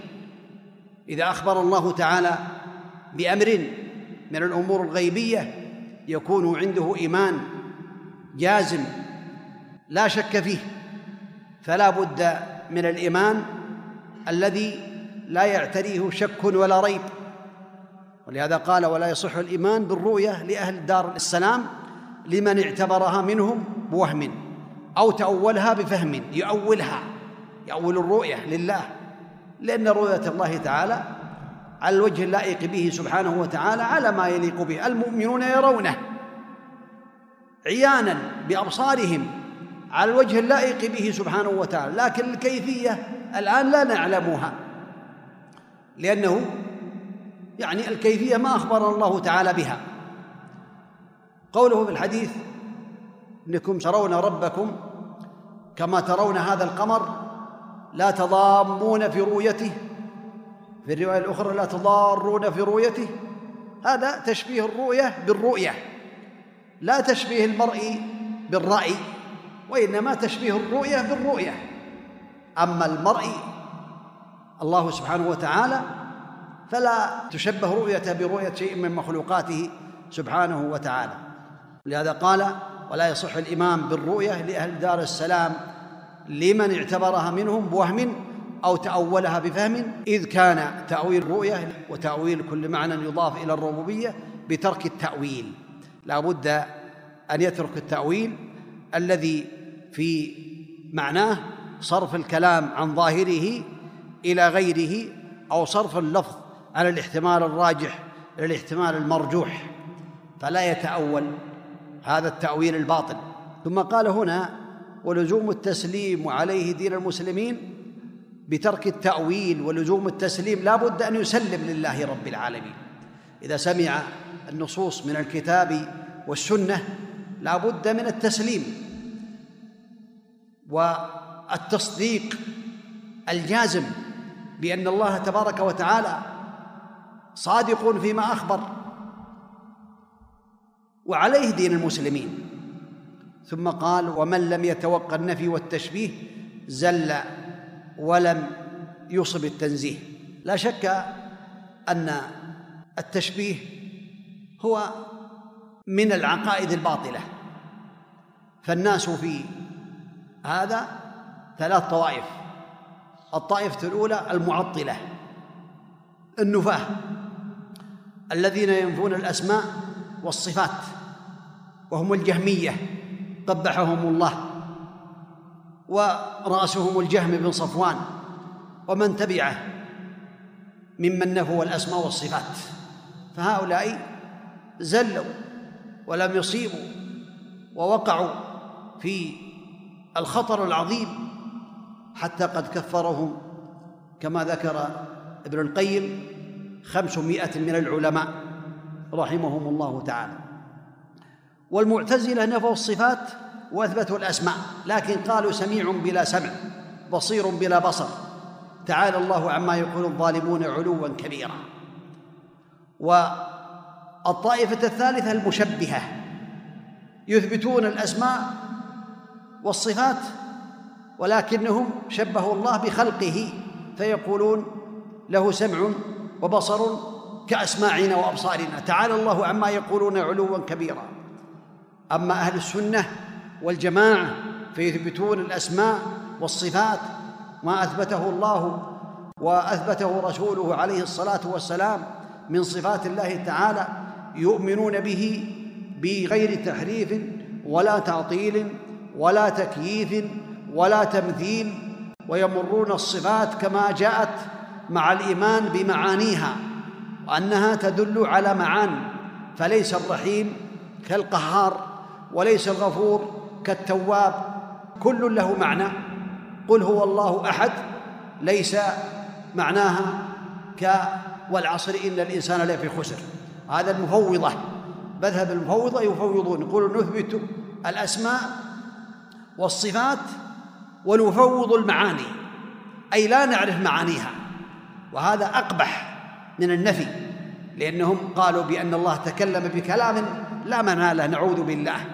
أما أهل السنة والجماعة فقد وفقهم الله تبارك وتعالى لإثبات الأسماء والصفات بغير من غير تحريف ولا تعطيل ولا تكييف ولا تمثيل ويمرونها كما جاءت مع الإيمان بمعانيها يعني الرحمن له معنى والرحيم له معنى يرحم سبحانه وتعالى عباده السميع يسمع كل شيء البصير يبصر كل شيء سبحانه وتعالى الكريم من كرمه ما في السماوات وما في الأرض وغير ذلك من المعاني فهم يثبتون الأسماء على مراد الله تعالى على ظاهر النصوص مع الإيمان بمعانيها.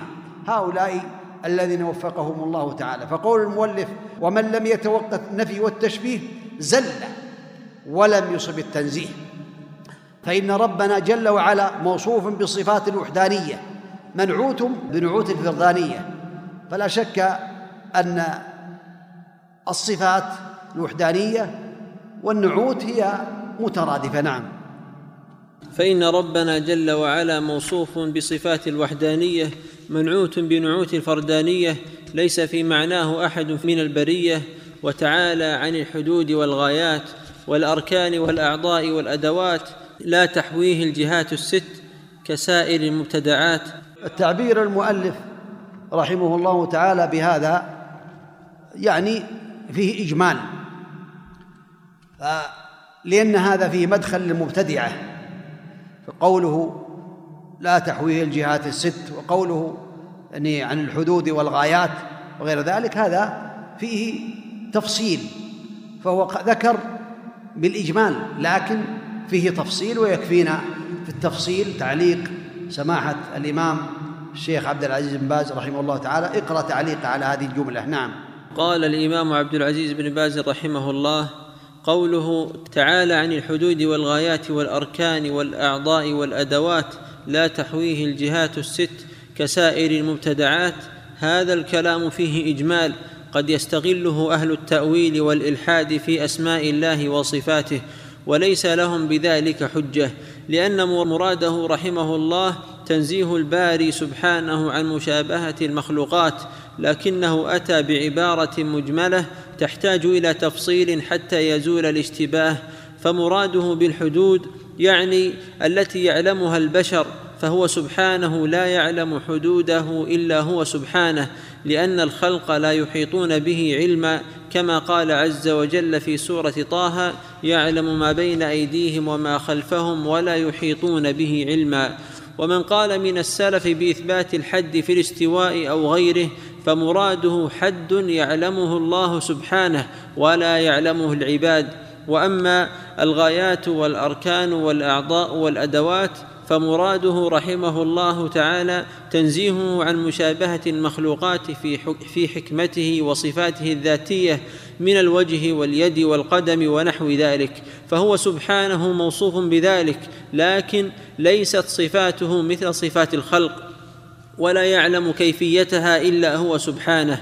وأهل البدع يطلقون مثل هذه الألفاظ لينفوا بها الصفات بغير الألفاظ التي تكلم الله بها وأثبتها لنفسه حتى لا يفتضحوا وحتى لا يشنع عليهم أهل الحق. والمؤلف الطحاوي رحمه الله لم يقصد هذا المقصد لكونه من أهل السنة المثبتين لصفات الله وكلامه في هذه العقيدة يفسر بعضه بعضا ويصدق بعضه بعضا ويفسر مشتبهه بمحكمه وهكذا قوله لا تحويه الجهات الست كسائر المبتدعات مراده الجهات الست المخلوقة وليس مراده نفي علو الله واستوائه على عرشه. الذي يقصد بالجهات الست أمام وخلف يمين يسار فوق تحت.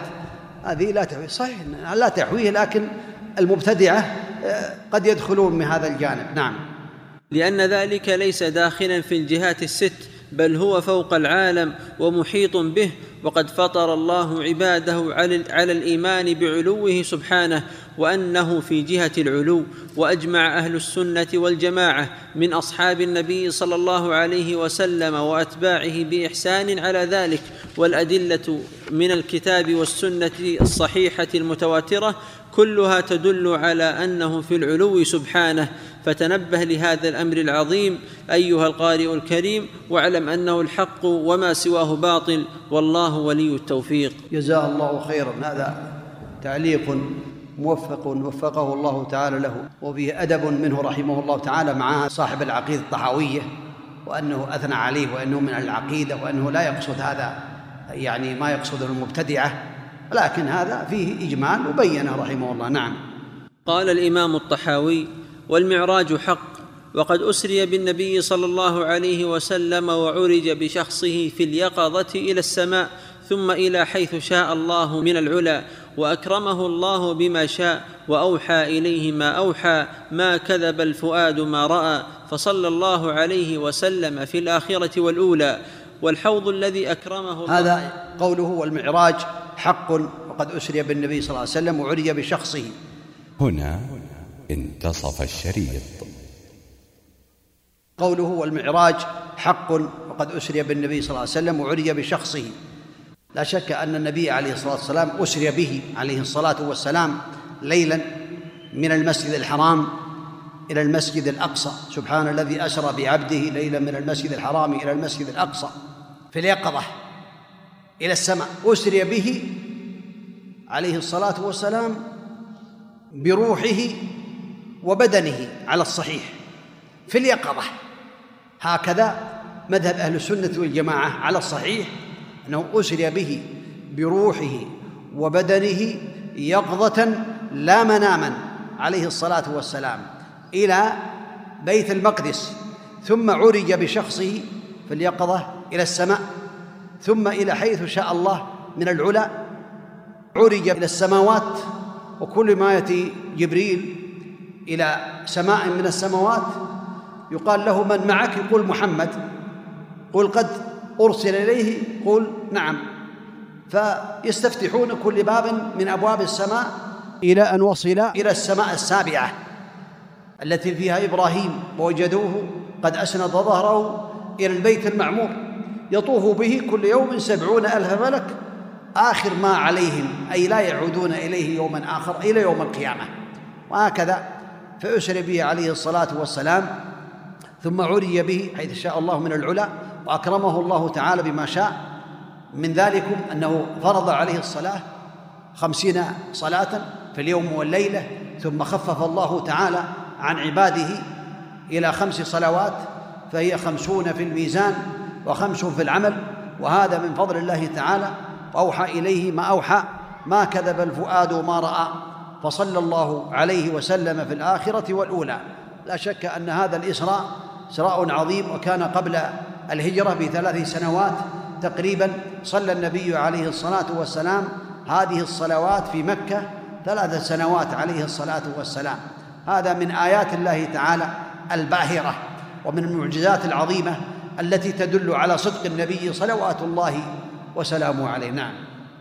والحوض الذي أكرمه الله تعالى به غياثا لأمته حق والشفاعة التي ادخرها لهم حق كما روي في الأخبار والميثاق الذي أخذه الله تعالى من آدم وذريته حق وقد علم الله تعالى فيما لم يزل عدد. هكذا والحوض الذي أكرمه الله تعالى به غياثا لأمته حق. يعني هذا من الإيمان باليوم الآخر من أجزاء الإيمان باليوم الآخر يعني الإيمان بالحوض المورود الذي أكرمه الله تعالى به غياثا لأمته.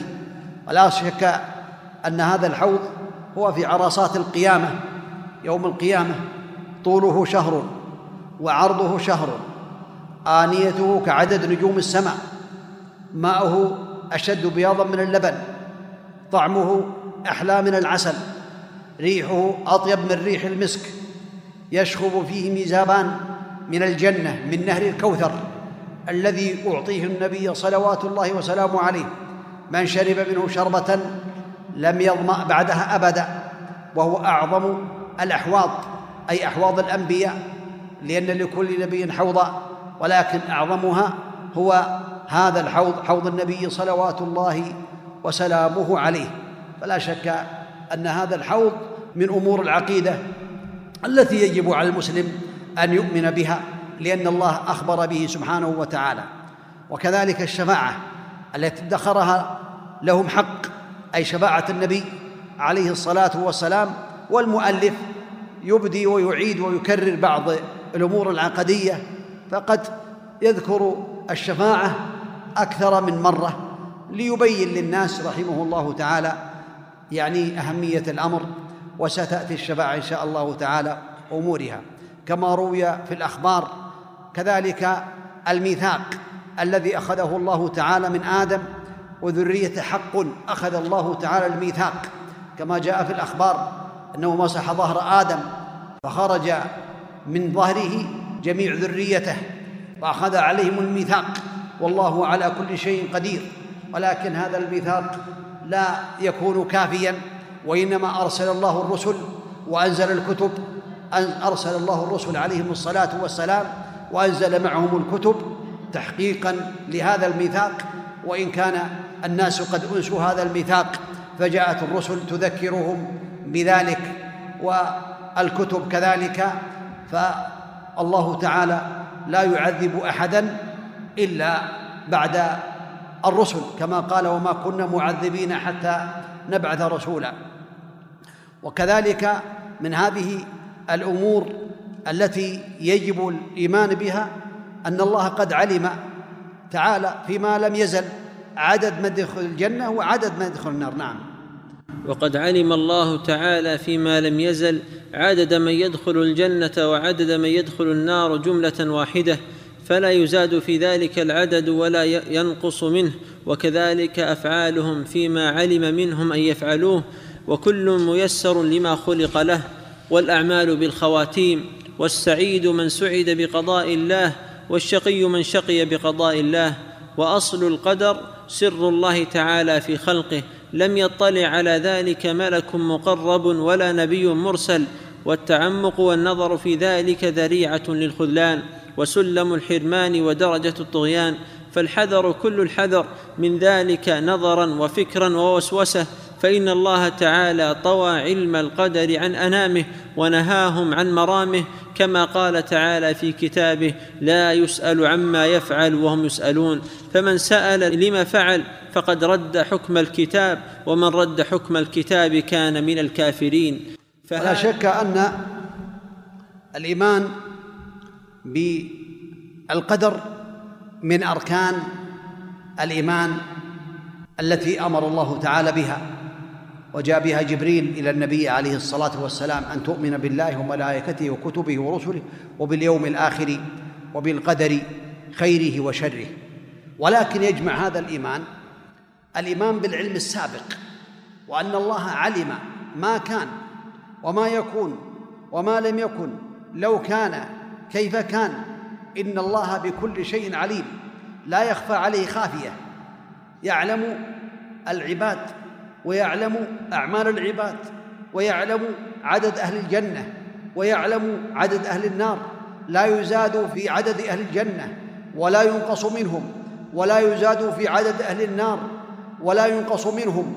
لكن الله تبارك وتعالى لا يظلم أحدا من خلقه سبحانه وتعالى وإنما هم بين لهم طريق الخير وبين لهم طريق الشر وبين لهم ما يعود عليهم بالسعادة وبين لهم ما يعود عليهم بالشقاوة وحذرهم تبارك وتعالى من معصيته وأمرهم بطاعته سبحانه وتعالى ولا يظلم ربك أحدا.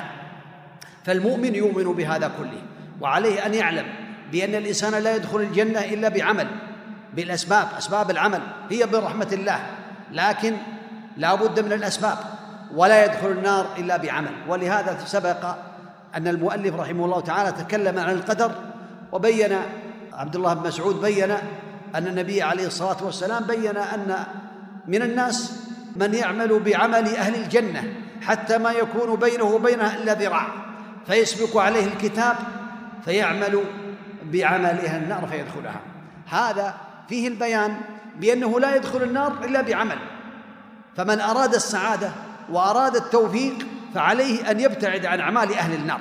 لا يعمل أعمال أهل النار حتى ينجيه. والله بأن الإنسان إذا استعان بالله ووفقه الله تعالى لطاعته وترك أعمال أهل النار ولم يعمل بها ابتغاء مرضات الله تعالى ليدخلن الجنة. أما كونه يعمل بعمله النار ويقول قد كتب الله بأني من أهل النار أو من أهل الجنة. لا هذا عمل القدرية بل عليه أن يستعين بالله وعليه أن يعمل بأعماله الجنة وعليه أن يترك أعمال أهل النار. ويسأل الله التوفيق ويسأل الله العفو والعافية في الدنيا والآخرة. والأعمال بالخواتيم كما قال النبي عليه الصلاة والسلام. نعم. فهذا جملة ما يحتاج إليه من هو منور قلبه من أولياء الله تعالى. وهي درجة الراسخين في العلم لأن العلم علمان. علم في الخلق موجود وعلم في الخلق مفقود. هكذا يقول العلم هذه جملة ما يحتاج إليه من هو منور قلبه من أولياء الله تعالى. يعني يحتاج إلى هذا العلم وهي درجة الراسخين في العلم. لأن العلم علمان. علم في الخلق موجود وعلم في الخلق مفقود. فالعلم الموجود هو علم الكتاب والسنة ما أخبر الله تعالى به. من أمور الجنة ومن أمور النار ومما مضى ومما يأتي ومما أخبر الله تعالى به. وهذا علم موجود. وعلم مفقود. فإنكار العلم الموجود كفر. إنكار العلم الموجود أي مسائل الاعتقاد والشرائع الذي بعث الله بها رسله وموجود في القرآن والسنة. ففيهما من الأخبار الماضية والمستقبلة ما يعلمه من تدبرها. هذا هو العلم الموجود. وأما العلم المفقود فهو علم الغيب. وهذا نكتفي بما قاله سماحة الشيخ ابن باز رحمه الله تعالى تعليقا على هذا في قوله في العلم وعلم في الخلق مفقود. نعم. قال الإمام ابن باز رحمه الله مراده رحمه الله بالعلم المفقود هو علم الغيب وهو مختص بالله عز وجل ومن ادعاه من الناس كفر لقول الله سبحانه وعنده مفاتح الغيب لا يعلمها إلا هو. وقوله عز وجل قل لا يعلم من في السماوات والأرض الغيب إلا الله. وقول النبي صلى الله عليه وسلم مفاتح الغيب خمس لا يعلمهن إلا الله. ثم تلا قول الله سبحانه إن الله عنده علم الساعة وينزل الغيث. الآية والأحاديث صحيحة وكثيرة وردت في الباب تدل على أن النبي صلى الله عليه وسلم لا يعلم الغيب مع أنه أفضل الخلق وسيد الرسل فغيره من باب أولى. وهو صلى الله عليه وسلم لا يعلم من ذلك إلا ما علمه إياه سبحانه. ولما تكلم أهل الإفك في عائشة رضي الله عنها لم يعلم براءتها إلا بنزول الوحي. ولما ضاع عقدها في بعض أسفاره صلى الله عليه وسلم بعث جماعة في طلبه ولم يعلم مكانه حتى أقاموا البعير فوجدوه تحته والأدلة من الكتاب والسنة في هذا كثيرة والحمد لله. قال الإمام الطحاوي فإنكار العلم الموجود كفر وادعاء العلم المفقود كفر ولا يثبت الإيمان إلا بقبول العلم الموجود وترك طلب العلم المفقود. العلم الموجود تقدم بأنه ما جاء في القرآن والسنة من الأخبار والمفقود تقدم بأنه علم الغيب. فلا بد من الايمان بالعلم الموجود ومن تركه ولم يصدقه كفر وترك العلم المفقود لله تعالى لأنه لا يعلم الغيب إلا هو. نعم. ونؤمن باللوح والقلم وبجميع ما فيه قد رقم فلو اجتمع الخلق كلهم على شيء كتبه الله تعالى فيه أنه كائن ليجعلوه غير كائن لم يقدروا عليه ولو اجتمعوا كلهم على شيء لم يكتبه الله تعالى فيه ليجعلوه كائنا لم يقدروا عليه. جف القلم بما هو كائن إلى يوم القيامة. وما أخطأ العبد لم يكن ليصيبه وما أصابه لم يكن ليخطئه. وعلى العبد أن يعلم أن الله قد سبق علمه في كل كائن من خلقه. فقدر ذلك تقديرا محكما مبرما ليس فيه ناقص ولا معقب ولا مزيل ولا مغير ولا ناقص ولا زائد من خلقه في سماواته وأرضه.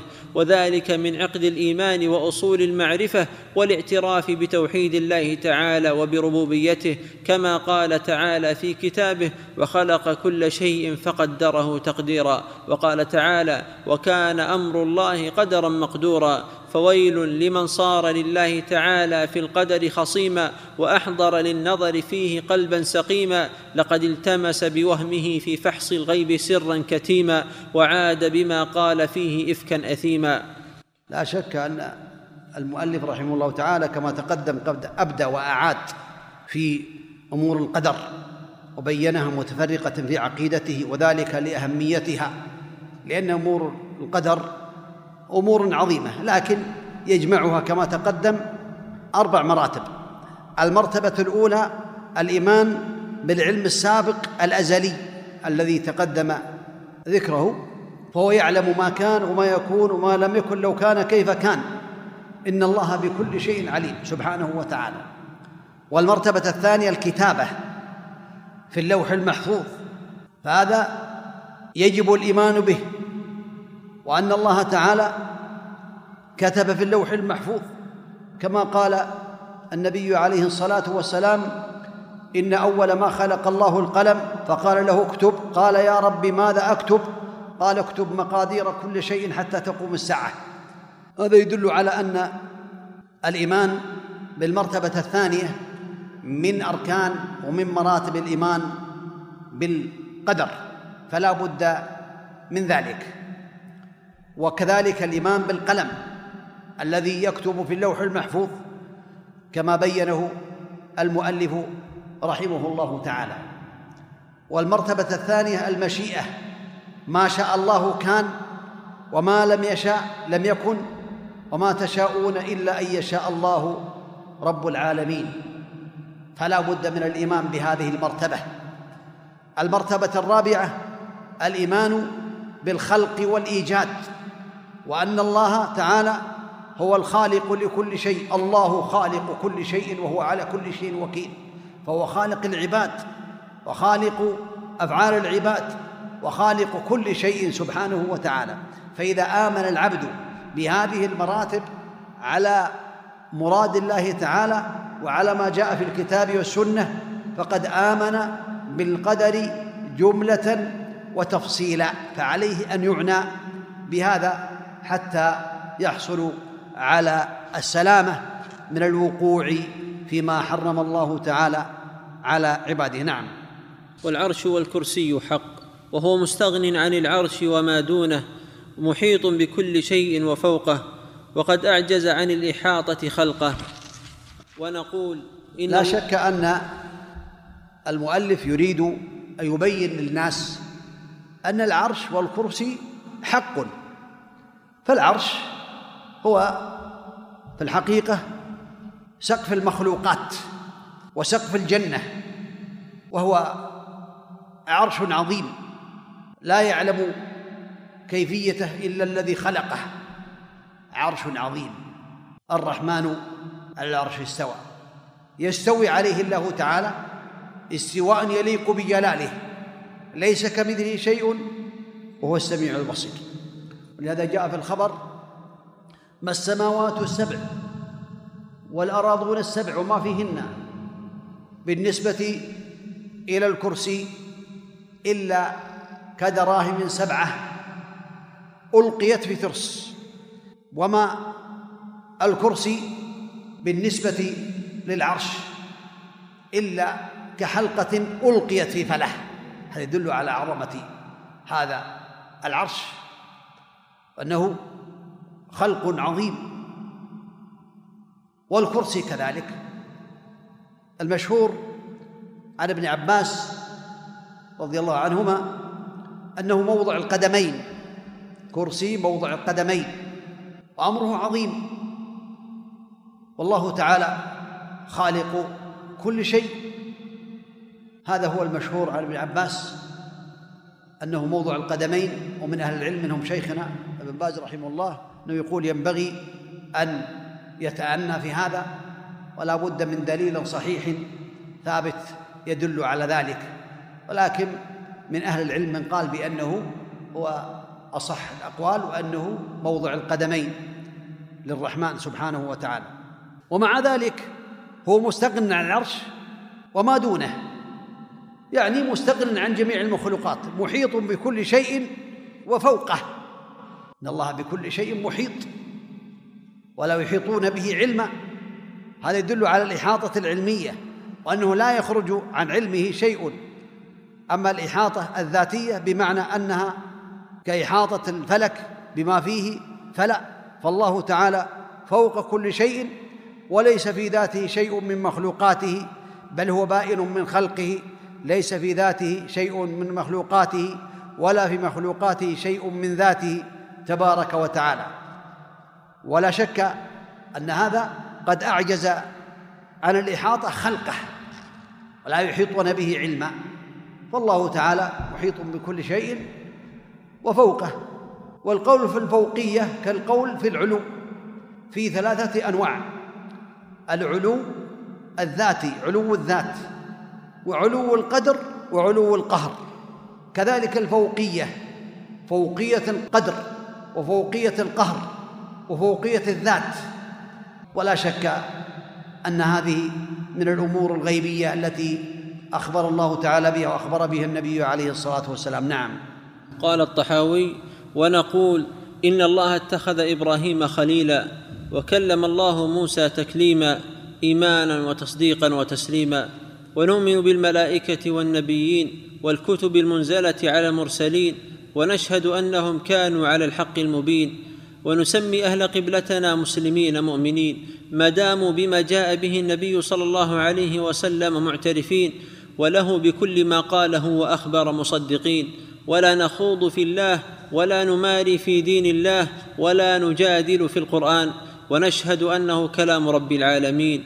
نزل به الروح الأمين فعلمه سيد المرسلين محمدا صلى الله عليه وسلم.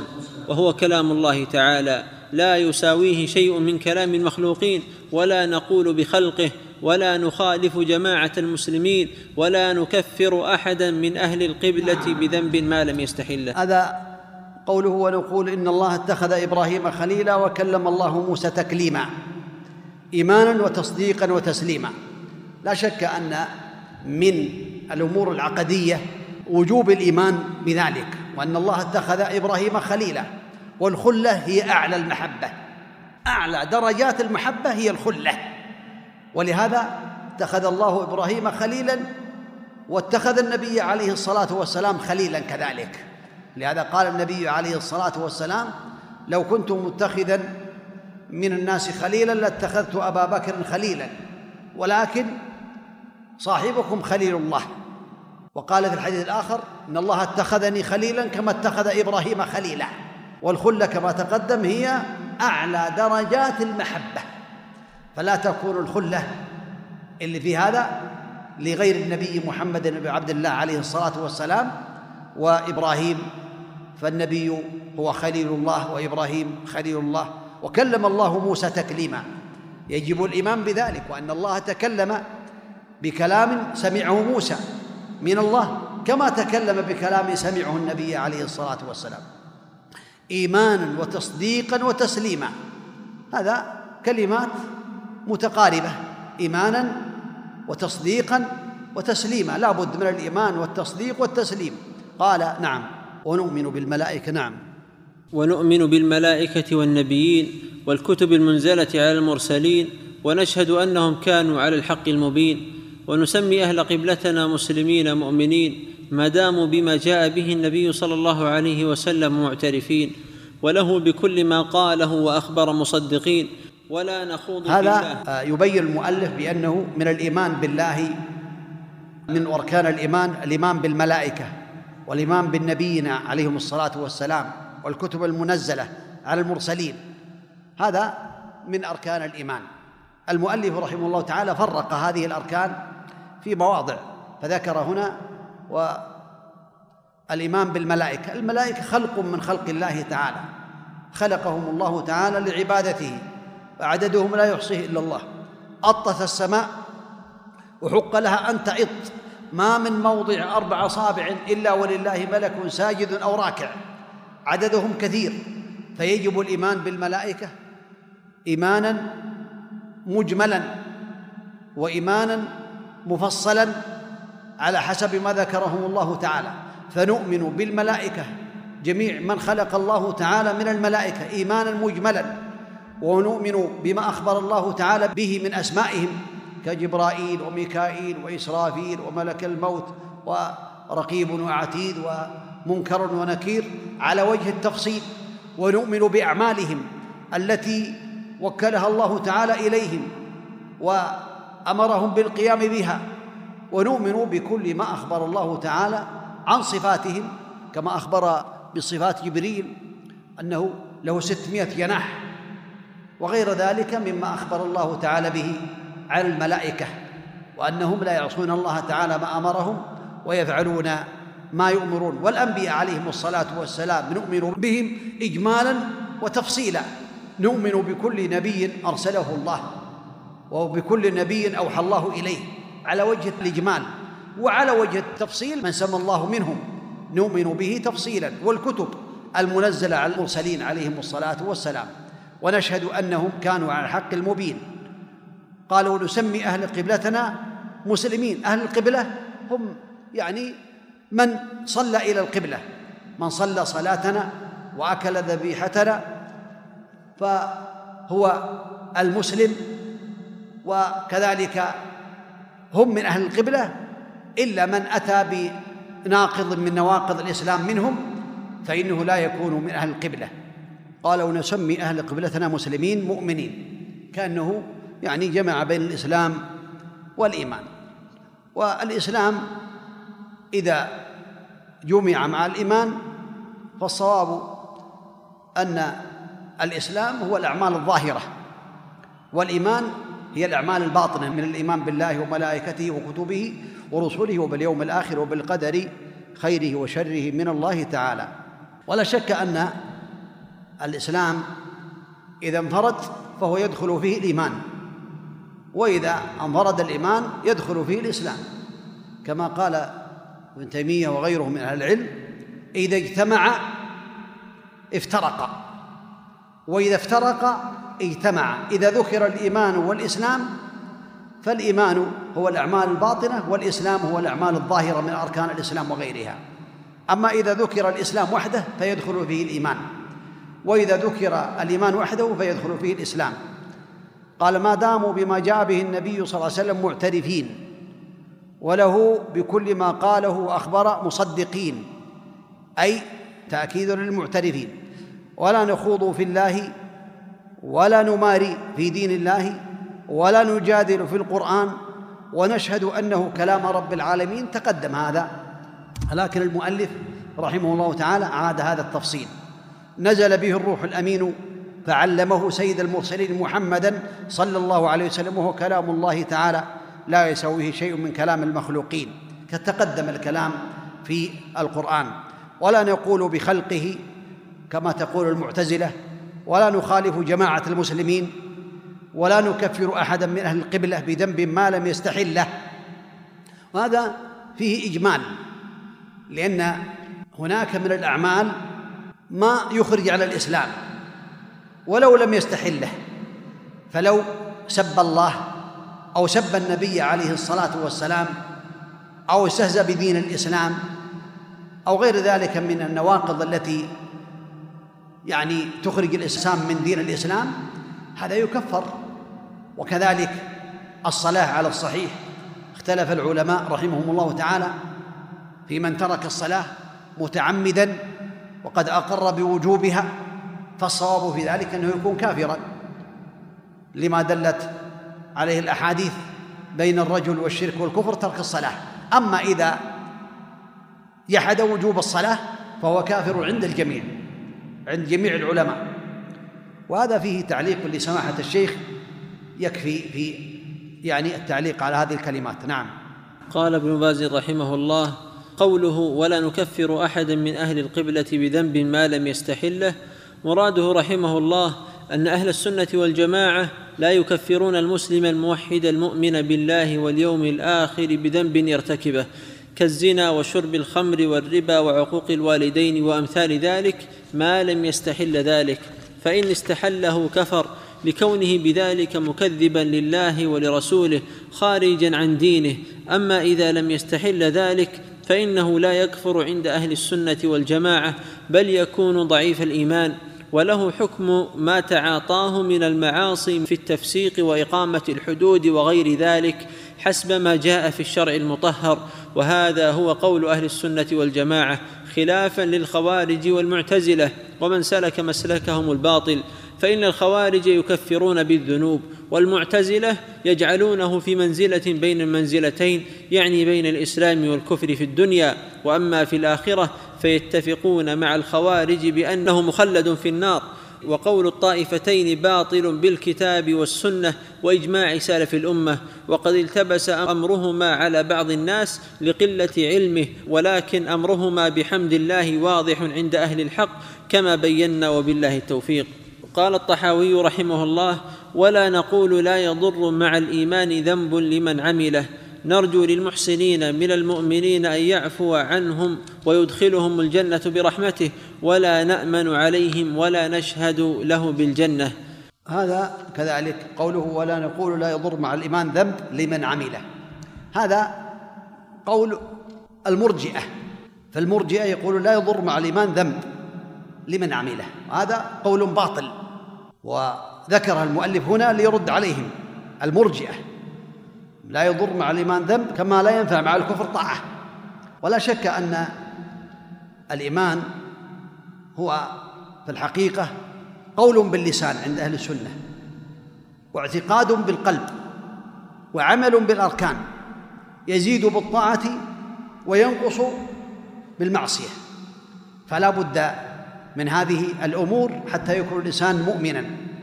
أما قول الجهمية في هذا لا يضر مع الإيمان ذنب لمن عمله كما لا ينفع مع الكفر. طاعه فهو قول باطل ويساوي بين المؤمنين والفساق فإيمان الأنبياء كإيمان الفساق من الناس المسلمين.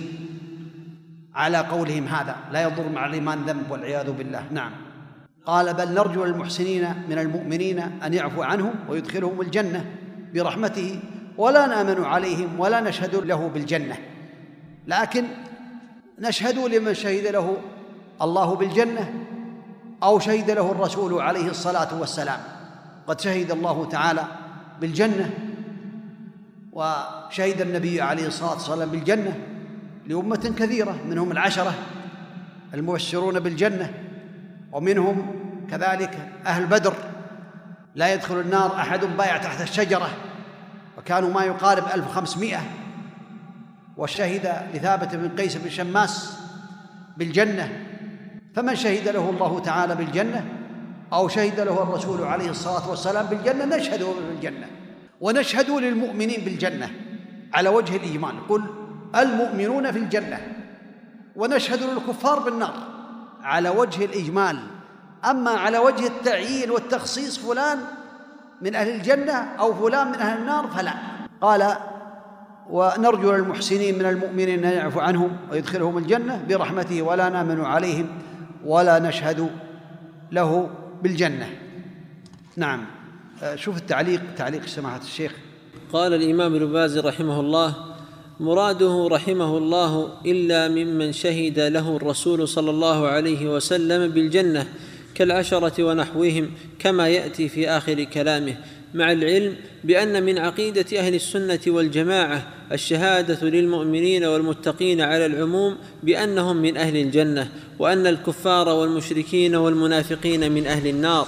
كما دلت على ذلك الآيات الكريمات والسنة المتواترة عن رسول الله صلى الله عليه وسلم. ومن ذلك قوله سبحانه إن المتقين في جنات ونعيم. وقوله عز وجل وعد الله المؤمنين والمؤمنات جنات تجري من تحتها الأنهار خالدين فيها. في آيات كثيرات تدل على هذا المعنى.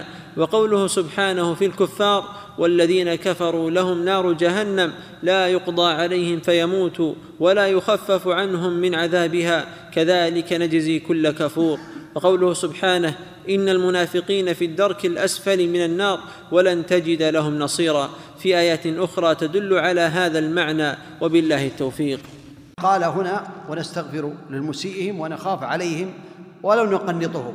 نعم كمل. قال الطحاوي رحمه الله ونستغفر لمسيئهم ونخاف عليهم ولا نقنطهم والأمن والإياس ينقلان عن ملة الإسلام وسبيل الحق بينهما لأهل القبلة ولا يخرج العبد من الإيمان إلا بجحود ما أدخله فيه. قال ولا يخرج العبد من الإيمان إلا بجحود ما أدخله فيه.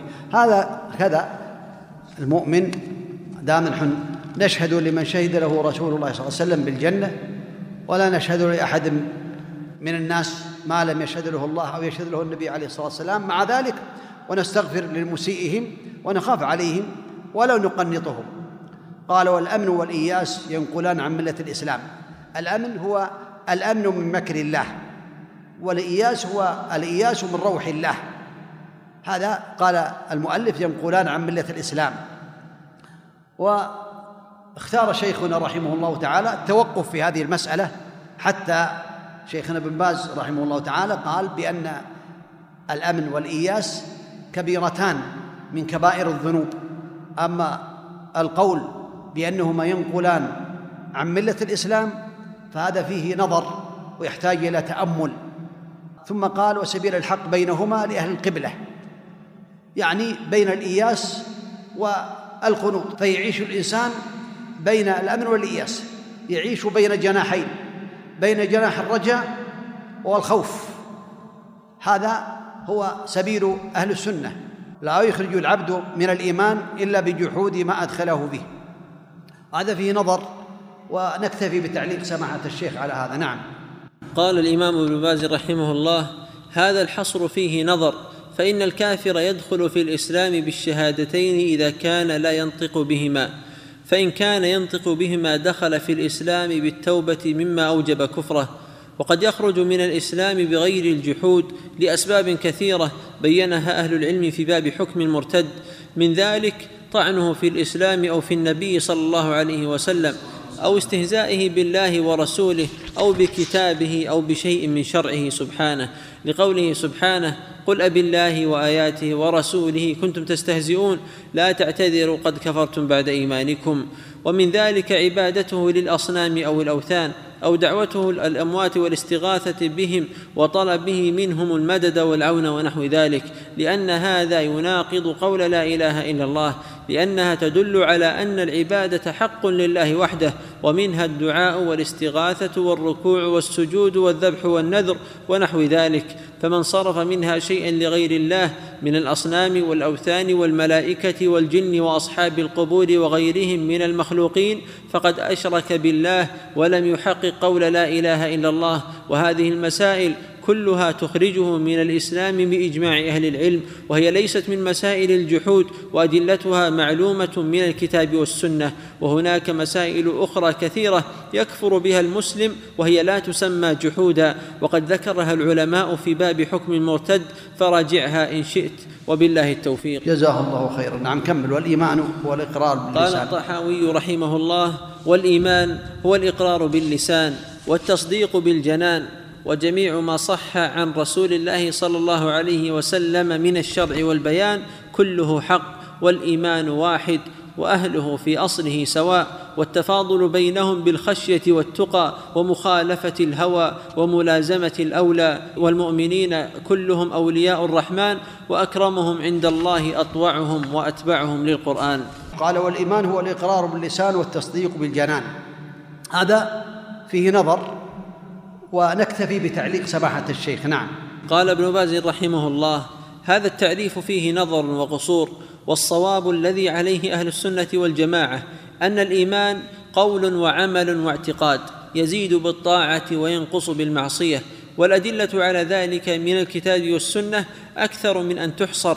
قد ذكر الشارح بن أبي العز جملة منها فراجعها إن شئت وإخراج العمل من الإيمان هو قول المرجئة وليس الخلاف بينهم وبين أهل السنة فيه لفظيا بل هو لفظي ومعنوي ويترتب عليه أحكام كثيرة يعلمها من تدبر كلام أهل السنة وكلام المرجئة والله المستعان. هذا هو المقصود لأن مذهب أهل السنة هو القول باللسان في الإيمان واعتقاد بالقلب وعمل بالأركان يزيد بالطاعة وينقص بالمعصية. أما مذهب مرجئة الفقهاء فهو الإقرار باللسان والتصديق بالجنان. هذا كما ذكر المؤلف رحمه الله تعالى. أما مذهب الجهمية فهو التصديق بالقلب أو المعرفة بالقلب. هذا تعريف الجهمية يجعلون فرعون من المؤمنين. ما دام أنه يعرف ربه بل يجعلون الشيطان من المؤمنين. لأن الشيطان يعرف ربه بقلبه. نسأل الله العفو والعافية. والصواب الذي لا شك فيه هو تعريف أهل السنة والجماعة الايمان هو قول باللسان واعتقاد بالقلب وعمل بالجوارح يزيد بالطاعة وينقص بالمعصية. وجميع ما صح عن رسول الله صلى الله عليه وسلم من الشرع والبيان كله حق. كل ما صح عن رسول الله عليه الصلاة والسلام من الشرع مما شرعه عليه الصلاة والسلام والبيان مما بينه للكتاب أو بينه لسنة عليه الصلاة والسلام كله حق. والإيمان واحد. وأهله في اصله سواء. هذا يختلف. ونكتفي بتعليق سماحة الشيخ بقوله والإيمان واحد. نعم. قال الإمام ابن رحمه الله قوله والإيمان واحد وأهله في أصله سواء هذا انظر إلى أدب العلماء. أدب العلماء. ما قال هذا هو غلط. قال فيه نظر رحمه الله تعالى. التأدب مع العلماء رحمهم الله تعالى. نعم. قال هذا فيه نظر. نعم. بل هو باطل فليس أهل الإيمان فيه سواء بل هم متفاوتون تفاوتا عظيما فليس إيمان الرسل كإيمان غيرهم كما أنه ليس إيمان الخلفاء الراشدين وبقية الصحابة رضي الله عنهم مثل إيمان غيرهم وهكذا ليس إيمان المؤمنين كإيمان الفاسقين وهذا التفاوت بحسب ما في القلب من العلم بالله وأسمائه وصفاته وما شرعه لعباده وهو قول أهل السنة والجماعة خلافا للمرجئة ومن قال بقولهم والله المستعان. قال الإمام الطحاوي والإيمان هو الإيمان بالله وملائكته وكتبه ورسله واليوم الآخر والقدر خيره وشره وحلوه ومره من الله تعالى ونحن مؤمنون بذلك كله. لا نفرق بين أحد من رسله ونصدقهم كلهم على ما جاءوا به. أركان الإيمان التي أمر الله تعالى بها الايمان بالله وملائكته وكتبه ورسله. هذا تقدم تقدم بقول المؤلف واليوم الآخر والقدر خيره وشره وحلوه ومره من الله تعالى. قال ونحن نؤمن بذلك كله. لا نفرق بين أحد من رسله ونصدقهم كلهم على ما جاءوا به. لا شك أن هذه أركان الإيمان التي يجب على المؤمن أن يؤمن بها.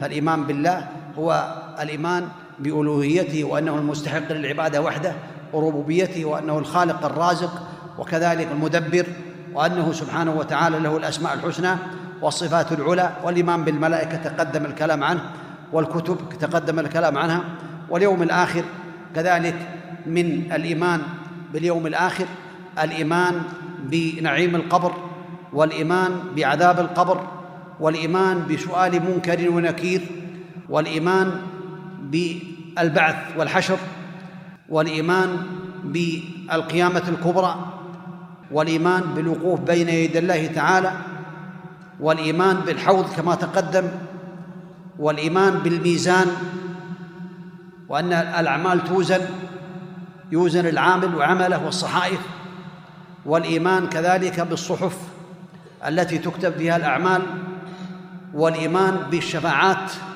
الشفاعة العظمى وغيرها من أنواع الشفاعات والإيمان بالصراط الذي يمر عليه الناس والإيمان بالقنطرة والإيمان بالجنة والنار. هذا يدخل في الإيمان باليوم الآخر. والإيمان بالقدر خيره وشره تقدم جمل منه حلوة ومره من الله تعالى. قال ونحن نؤمن بذلك كله لا نفرق بين أحد من رسله ونصدقهم كلهم على ما جاءوا به. نعم. قال الطحاوي رحمه الله وأهل الكبائر من أمة محمد صلى الله عليه وسلم في النار لا يخلدون إذا ماتوا وهم موحدون وإن لم يكونوا تائبين بعد أن لقوا الله عارفين مؤمنين وهم في مشيئته وحكمه إن شاء غفر لهم وعفى عنهم بفضله كما ذكر عز وجل في كتابه ويغفر ما دون ذلك لمن يشاء وإن شاء عذبهم في النار بعدله.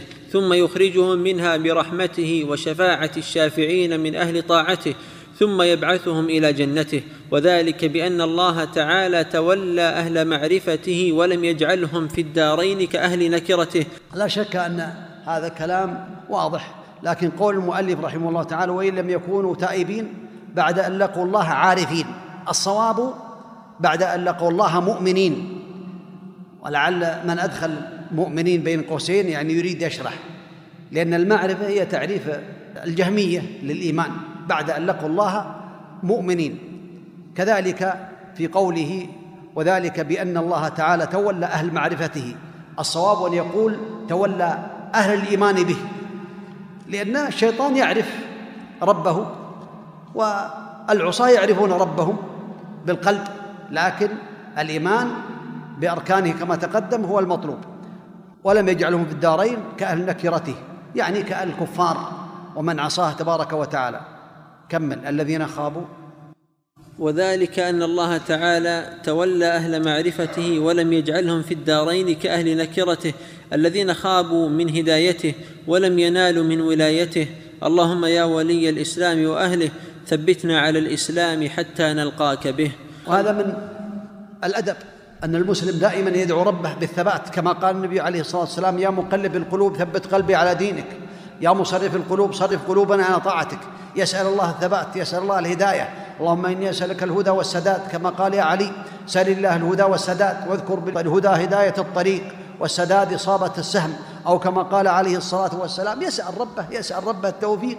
يا مقلب القلوب ثبت قلبي على دينك. اللهم احسن عاقبتنا في الأمور كلها وأجرنا من خزي الدنيا وعذاب الآخرة. نعم. ونرى الصلاة خلف كل بر وفاجر من أهل القبلة وعلى من مات منهم ولا ننزل أحدا منهم جنة ولا نارا ولا نشهد عليهم بكفر ولا بشرك ولا بنفاق ما لم يظهر منهم شيء من ذلك ونذر سرائرهم إلى الله تعالى. هذا هو عقيدة أهل السنة والجماعة. يرون الصلاة خلف كل بر وفاجر سواء كان من الأئمة أو من غيرهم. ما دام بأن صلاته تصح لنفسه يصلي خلفه ما دام بأنه من المسلمين لأنه قال من أهل القبلة. أما الكافر الصلاة خلف الكافر أو الصلاة خلف المبتدع الذي بدعته مكفرة فلا يصلي خلفه. قال وعلى من مات منهم كذلك. يصلى على الفاسق وعلى الفاجر. إذا مات وهو من أهل المسلمين لم يأتي بناقض من نواقض الاسلام يصلى عليه. ولا ننزل أحدا منهم جنة ولا نارا ولا نشهد عليهم بكفر ولا بشرك ولا بنفاق ما لم يظهر منهم شيء من ذلك. ونذر سرائرهم إلى الله تعالى. يعني السرائر والبواطن لله لا نعلمها. إذا ظهر لنا الإسلام والأعمال الإسلام فنظن به خيرا. أما السرائر التي بينه وبين الله تعالى فهي إلى الله. نعم. ولا نرى. ولا نرى السيف على أحد من أمة محمد صلى الله عليه وسلم إلا من وجب عليه السيف ولا نرى الخروج. هكذا كأنه يرد على الخوارج لأنهم يكفرون بالذنوب ويخرجون على الأئمة لأنهم يكفرونهم يكفرون بالكبائر لأن أهل السنة والجماعة ما يرون الخروج على ولاة الأمر. هذا من عقيدة أهل السنة والجماعة أنهم لا يحملون السلاح على أمة محمد عليه الصلاة والسلام. بل هذا شأن الخوارج كما تقدم. نعم. ولا نرى الخروج على ائمتنا ولاة أمورنا وإن جاروا ولا ندعو عليهم ولا ننزع يدا من طاعتهم ونرى طاعتهم من طاعة الله عز وجل فريضة ما لم يأمروا بمعصية وندعو لهم بالصلاح والمعافاة. هكذا قول المؤلف رحمه الله تعالى كل كلام عن عن أهل السنة والجماعة. ولا نرى لأنه قال في الأول نقول في توحيد الله معتقدين يعني نحن أهل السنة. كذلك نحن أهل السنة لا نرى الخروج على أئمتنا ولاة أمورنا وإن جاروا ما دام بأنهم مسلمين. ولهذا قال النبي عليه الصلاة والسلام حينما سئل عن بعض الأمراء يؤخرون الصلاة عن أوقاتها قالوا يا رسول الله ألا ننابذهم بالسيف؟ قال لا. ما قاموا فيكم الصلاة. وفي رواية أخرى لا. إلا أن تروا كفرا بواحا عندكم من الله فيه برهان. هذا لا شك أن هذا من الأمور العقدية التي يجب على المسلم أن يعتقدها أنه لا يخرج على الإمام ولا ولاة أمرنا وإن جاروا وإن ظلموا ولا ندعو عليهم كذلك من عقيدة أهل السنة أنهم لا يدعون على الإمام. ولهذا ذكر عن الإمام أحمد لو كان لي دعوة مستجابة لجعلتها للإمام لأنه بصلاحه تصلح البلاد والعباد أو كما قال رحمه الله تعالى ولا ننزع يدا من طاعة من طاعتهم. يعني ما نخرج عليهم وننزع طاعتهم لأن معصية الإمام تسبب شرورا كثيرة وسفك الدماء لأن الأئمة إذا خرج عليهم لا يسكتون سيدافعون سيقاتلون تنثر الدماء وتنتهك الأعراض وتدمر الممتلكات ويحصل الشر والفساد. وغير ذلك فالخروج على ولي الأمر فيه شر كثير هذه عقيدة لا في ليس فيها مداهنة ولا محاباة. عقيدة أهل السنة والجماعة رحمهم الله تعالى. قال ونرى طاعتهم من طاعة الله. لأن الله يقول يا أيها الذين آمنوا أطيعوا الله وأطيعوا الرسول. وأولي الأمر منكم ما لم يأمروا بمعصية. أما إذا أمروا بمعصية فلا سمع ولا طاعة. لو قيل لا تصلوا لا تصوموا لا تزكوا. لا لا سمع ولا طاعة. لكن نطيعهم في طاعة الله. أما كونهم عندهم فسق عندهم معاصي عندهم سيئات عندهم فجور أو غير ذلك فلا نخرج من أجل هذا. والصحابة رضي الله عنهم عملوا بذلك. رضي الله عنهم وصلوا خلف من يعني يتعاطى المسكرات صلوا خلف الفجرة من الناس من الأئمة. هذا دين المسلمين وهذا عقيدة أهل السنة والجماعة. وندعو لهم بالصلاح. والمعافاة. نعم. ونتبع. نعم. ونتبع السنة والجماعة ونجتنب الشذوذ والخلاف والفرقة ونحب أهل العدل والأمانة ونبغض أهل الجور والخيانة ونقول الله أعلم فيما اشتبه علينا علمه ونرى المسح على الخفين في السفر والحضر هكذا يعني من عقيدة أهل السنة والجماعة اتباع السنة والجماعة ويجتنبون الشذوذ والخلاف والفرقة. ويحبون أهل العدل والأمانة ويبغضون أهل الجور والخيانة ويقولون الله أعلم فيما اشتبه عليهم علمه.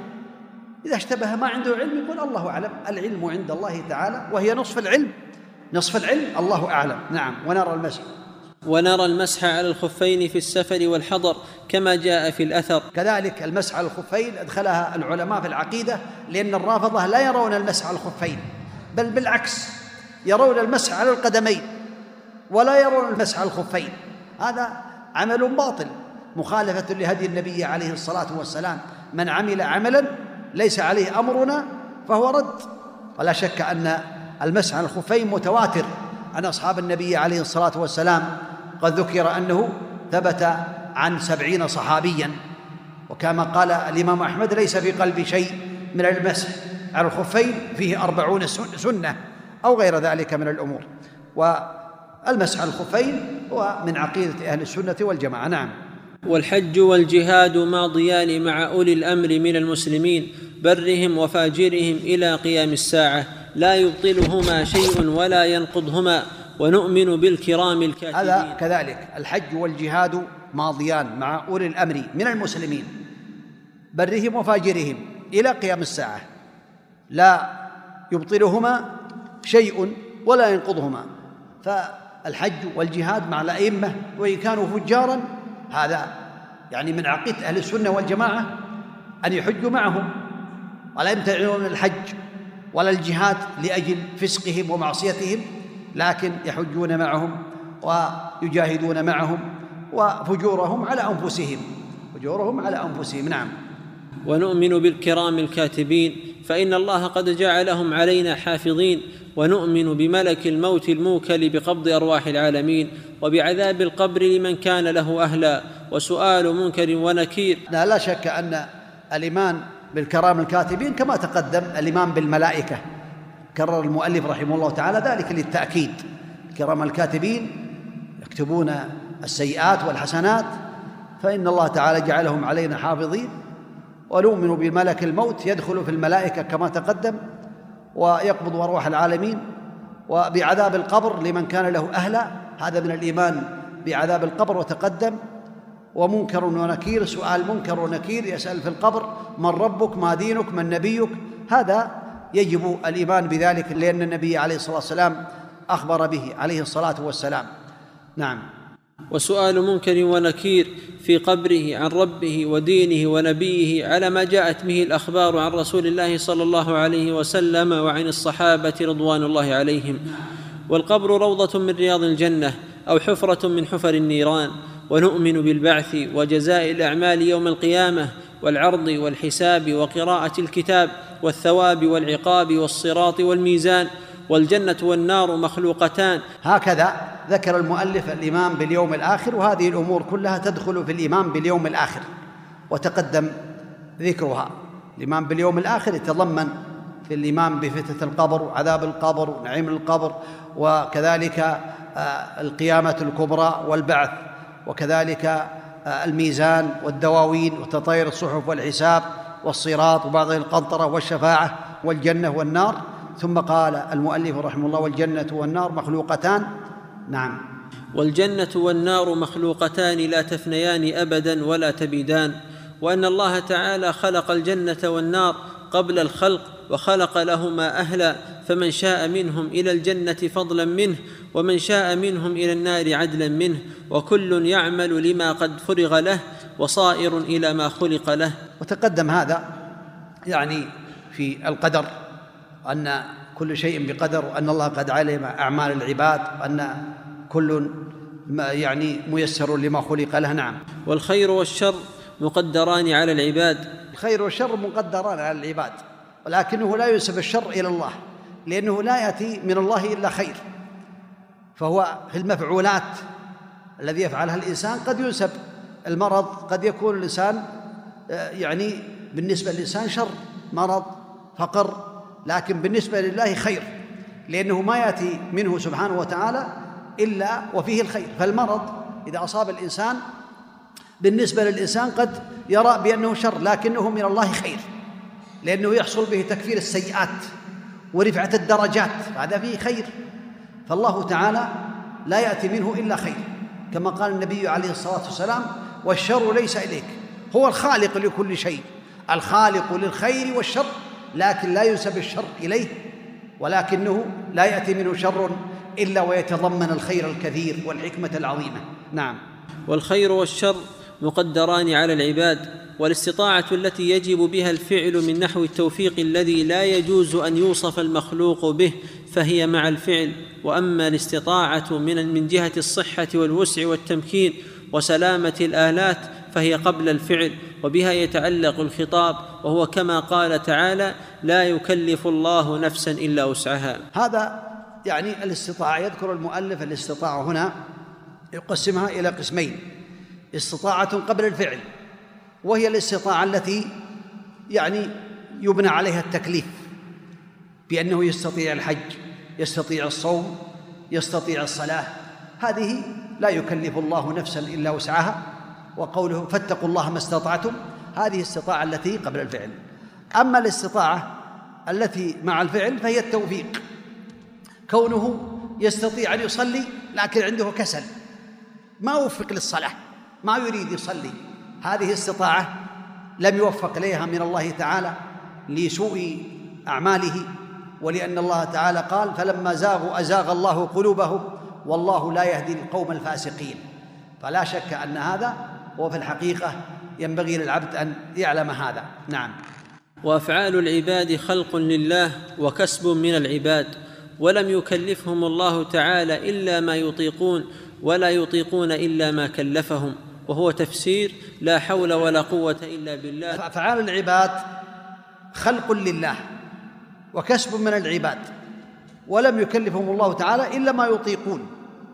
فلا شك المؤلف يريد أن يرد على القدرية الذين يقولون أن الإنسان يعني يخلق أفعاله والله لا دخل فيها فيها. لا الله تعالى خالق العباد وخالق أفعال العباد. والله تعالى يقول وما تشاءون إلا أن يشاء الله. فهو خلق لهم قدرة وخلق لهم استطاعة سبحانه وتعالى ومشيئتهم من مشيئة الله تعالى. فالله خالقهم وخالق أعمالهم ولم يكلفهم تعالى إلا ما يطيقون. ولا يطيقون إلا ما كلفهم. قوله ولا يطيقون إلا ما كلفهم فيه نظر لأن الإنسان حينما فرض الله عليه الصيام شهر رمضان يستطيع أن يصوم شهرين يستطيع أن يصوم ثلاثة. فرض عليه الحج يستطيع أن يحج عامين أو يستطيع أن يحج في السنة العمر مرتين أو غير ذلك فقول المؤلف ولا يطيقون إلا ما كلفهم هذا فيه نظر ولعلنا نكتفي بكلام الشيخ رحمه الله. نعم. قال الإمام ابن باز رحمه الله قوله ولا يطيقون إلا ما كلفهم. هذا غير صحيح. بل المكلفون يطيقون أكثر مما كلفهم به سبحانه ولكنه عز وجل لطف بعباده ويسر عليهم ولم يجعل عليهم في دينهم حرجا فضلا منه وإحسانا. والله ولي التوفيق. قال الطحوي رحمه الله وهو تفسير لا حول ولا قوة إلا بالله نقول لا حيلة لأحد ولا حركة لأحد ولا تحول لأحد عن معصية الله إلا بمعونة من الله ولا قوة لأحد على إقامة طاعة الله والثبات عليها إلا بتوفيق الله. وكل شيء يجري بمشيئة الله تعالى وعلمه وقضائه وقدره. غلبت مشيئته المشيئات كلها وغلب قضاؤه الحيل كلها يفعل ما يشاء وهو غير ظالم أبدا. تقدس عن كل سوء وحين وتنزه عن كل عيب وشين لا يسأل عما يفعل وهم يسألون. لا شك أن هذا قد تقدم شيء منه كثير في المشيئة وفي القضاء والقدر أعاد المؤلف رحمه الله وكرر ذلك ليبين للناس رحمه الله تعالى. قال وتقدس عن كل سوء وحين وتنزه عن كل عيب وشين هذه الكلمات يعني السوء والعيب والحين كلها عبارات معناها كلها السوء والأمور المذمومة فهو تعالى منزه عن هذه وعن غيرها من صفات السوء والعيب سبحانه وتعالى. نعم. وفي دعاء الأحياء وصدقاتهم منفعة للأموات والله تعالى يستجيب الدعوات ويقضي الحاجات ويملك كل شيء ولا يملكه شيء ولا غنى عن الله تعالى طرفة عين ومن استغنى عن الله طرفة عين فقد كفر وصار من أهل الحين والله يغضب ويرضى. هذا كذلك دعاء الأحياء وصدقاتهم تصل إلى الأموات بالاتفاق اتفاق العلماء تنفع الأموات الدعاء والصدقات. هنا انتصف الشريط. بالاتفاق اتفاق العلماء. تنفع الأموات الدعاء والصدقات وكذلك الحج. الاتفاق على الدعاء والصدقات هذا بإجماع العلماء. وكذلك يلحق بذلك يعني منفعة الأموات بعمرة أو حج أو غير ذلك من أنواع العبادات التي يتقرب بها إلى الله تعالى ثم يهدي ثوابها إلا في بعض الأمور التي لم تشرع كالصلاة. يصلي ويهدي ثواب الصلاة إلى الميت أو يقرأ القرآن ويهدي الثواب إلى الميت هذا فيه نظر. ذكر بعض العلماء منهم شيخنا رحمه الله تعالى أن هذا لم يشرع لأنه لم يرد في النصوص فالعبادة توقيفية فما جاء الخبر به ويتقرب به العبد لله ثم يهدي ثوابه قبلناه وما لم نتوقف عنه. والجمهور على أنه يصل الميت كل شيء من العبادات. سواء كان القرآن أو غيره. لكن الأقرب كما قال الشيخ رحمه الله تعالى أن القرآن والصلاة لا يهدى ثوابهما للميت لعدم الدليل. قوله هنا و ومن استغنى عن الله طرفة عين فقد كفر وصار من أهل الحين يعني من أهل الهلاك. نعم. والله يغضب ويرضى لا كأحد من الورى. يعني هذا الغضب لله تعالى والرضا لله تعالى ليس كغضب المخلوقين. ومن يقتل مؤمنا متعمدا فجزاؤه جهنم خالدا فيها وغضب الله عليه ولعنه. هذا غضب يليق بالله وليس كغضب المخلوقين. له غضب لا كغضبنا. والرضا كذلك. الله يرضى سبحانه وتعالى عن المؤمنين. والرضا ليس كرضانا. رضا يختص بالله تعالى. ليس كمثله شيء وهو السميع البصير. ونحب نعم. ونحب أصحاب رسول الله صلى الله عليه وسلم. ولا نفرط في حب أحد منهم ولا نتبرأ من أحد منهم ونبغض من يبغضهم وبغير الخير يذكرهم ولا نذكرهم إلا بخير. وحبهم دين وإيمان وإحسان وبغضهم كفر ونفاق وطغيان. صدق رحمه الله تعالى. نحب أصحاب رسول الله عليه الصلاة والسلام ولا نفرط في حب أحد منهم. نفرط أي هذا في الغلو. التفريط والإفراط. الغلو كما قالت الرافضة. يحبون أهل البيت ويغلون فيهم حتى يعبدونهم من دون الله تعالى ويدعونهم. يا حسين يا علي. دعوهم جعلهم آلهة من دون الله. نسأل الله العافية. فنحن نحب أصحاب النبي عليه الصلاة والسلام ونحب أهل البيت ونحب جميع أصحاب النبي عليه الصلاة والسلام. ولا نتبرأ من أحد منهم. كما يتبرأ الرافضة من عمر وأبي بكر وغير ذلك بل نحبهم كلهم رضي الله عنهم وأرضاهم. ونبغض من يبغضهم وبغير الخير يذكرهم ولا نذكرهم إلا بخير. أحبهم دين وإيمان وإحسان وبغضهم كفر ونفاق وطغيان. نسأل الله العفو والعافية. نعم. ونثبت الخلافة بعد رسول الله صلى الله عليه وسلم اولا لأبي بكر الصديق رضي الله عنه تفضيلا له وتقديما على جميع الأمة ثم لعمر بن الخطاب رضي الله عنه ثم لعثمان بن عفان رضي الله عنه ثم لعلي بن أبي طالب رضي الله عنه وهم الخلفاء الراشدون والأئمة المهديون. لا شك أن هذه هم أفضل الناس بعد الأنبياء أفضل الناس بعد الأنبياء أبو بكر ثم عمر ثم عثمان ثم علي رضي الله عنهم وأرضاهم على حسب ترتيبهم في الخلافة. والخلافة هي بعد النبي عليه الصلاة والسلام الأحق بها أبو بكر ثم عمر ثم عثمان ثم علي رضي الله عنهم. خلافتهم ترتيبهم في الفضل كترتيبهم في الخلافة رضي الله عنهم وأرضاهم. نعم. وأن العشرة الذين سماهم رسول الله صلى الله عليه وسلم وبشرهم بالجنة نشهد لهم بالجنة على ما شهد لهم رسول الله صلى الله عليه وسلم وقوله الحق. وهم أبو بكر وعمر وعثمان وعلي وطلحة والزبير وسعد وسعيد وعبد الرحمن بن عوف وأبو عبيدة بن الجراح وهو أمين هذه الأمة رضي الله عنهم أجمعين. هكذا يعني نشهد لهؤلاء العشرة ونشهد لغيرهم ممن شهد له رسول الله عليه الصلاة والسلام. كثابت بن قيس بن قيس بن شماس شهد له النبي عليه الصلاة والسلام بالجنة وشهد لأهل بدر بالجنة. عليه الصلاة والسلام وشهد لأهل بيعة الرضوان بالجنة لا يدخل النار أحد بايع تحت الشجرة وكانوا ما يقارب 1500 فمن شهد له رسول الله عليه الصلاة والسلام بالجنة شهد لنا بالجنة. وكذلك نشهد للمؤمنين اجمالا نقول كل مؤمن بالله واليوم الآخر في الجنة ونشهد بالنار للكافرين. كل كافر يموت على كفره فهو في النار.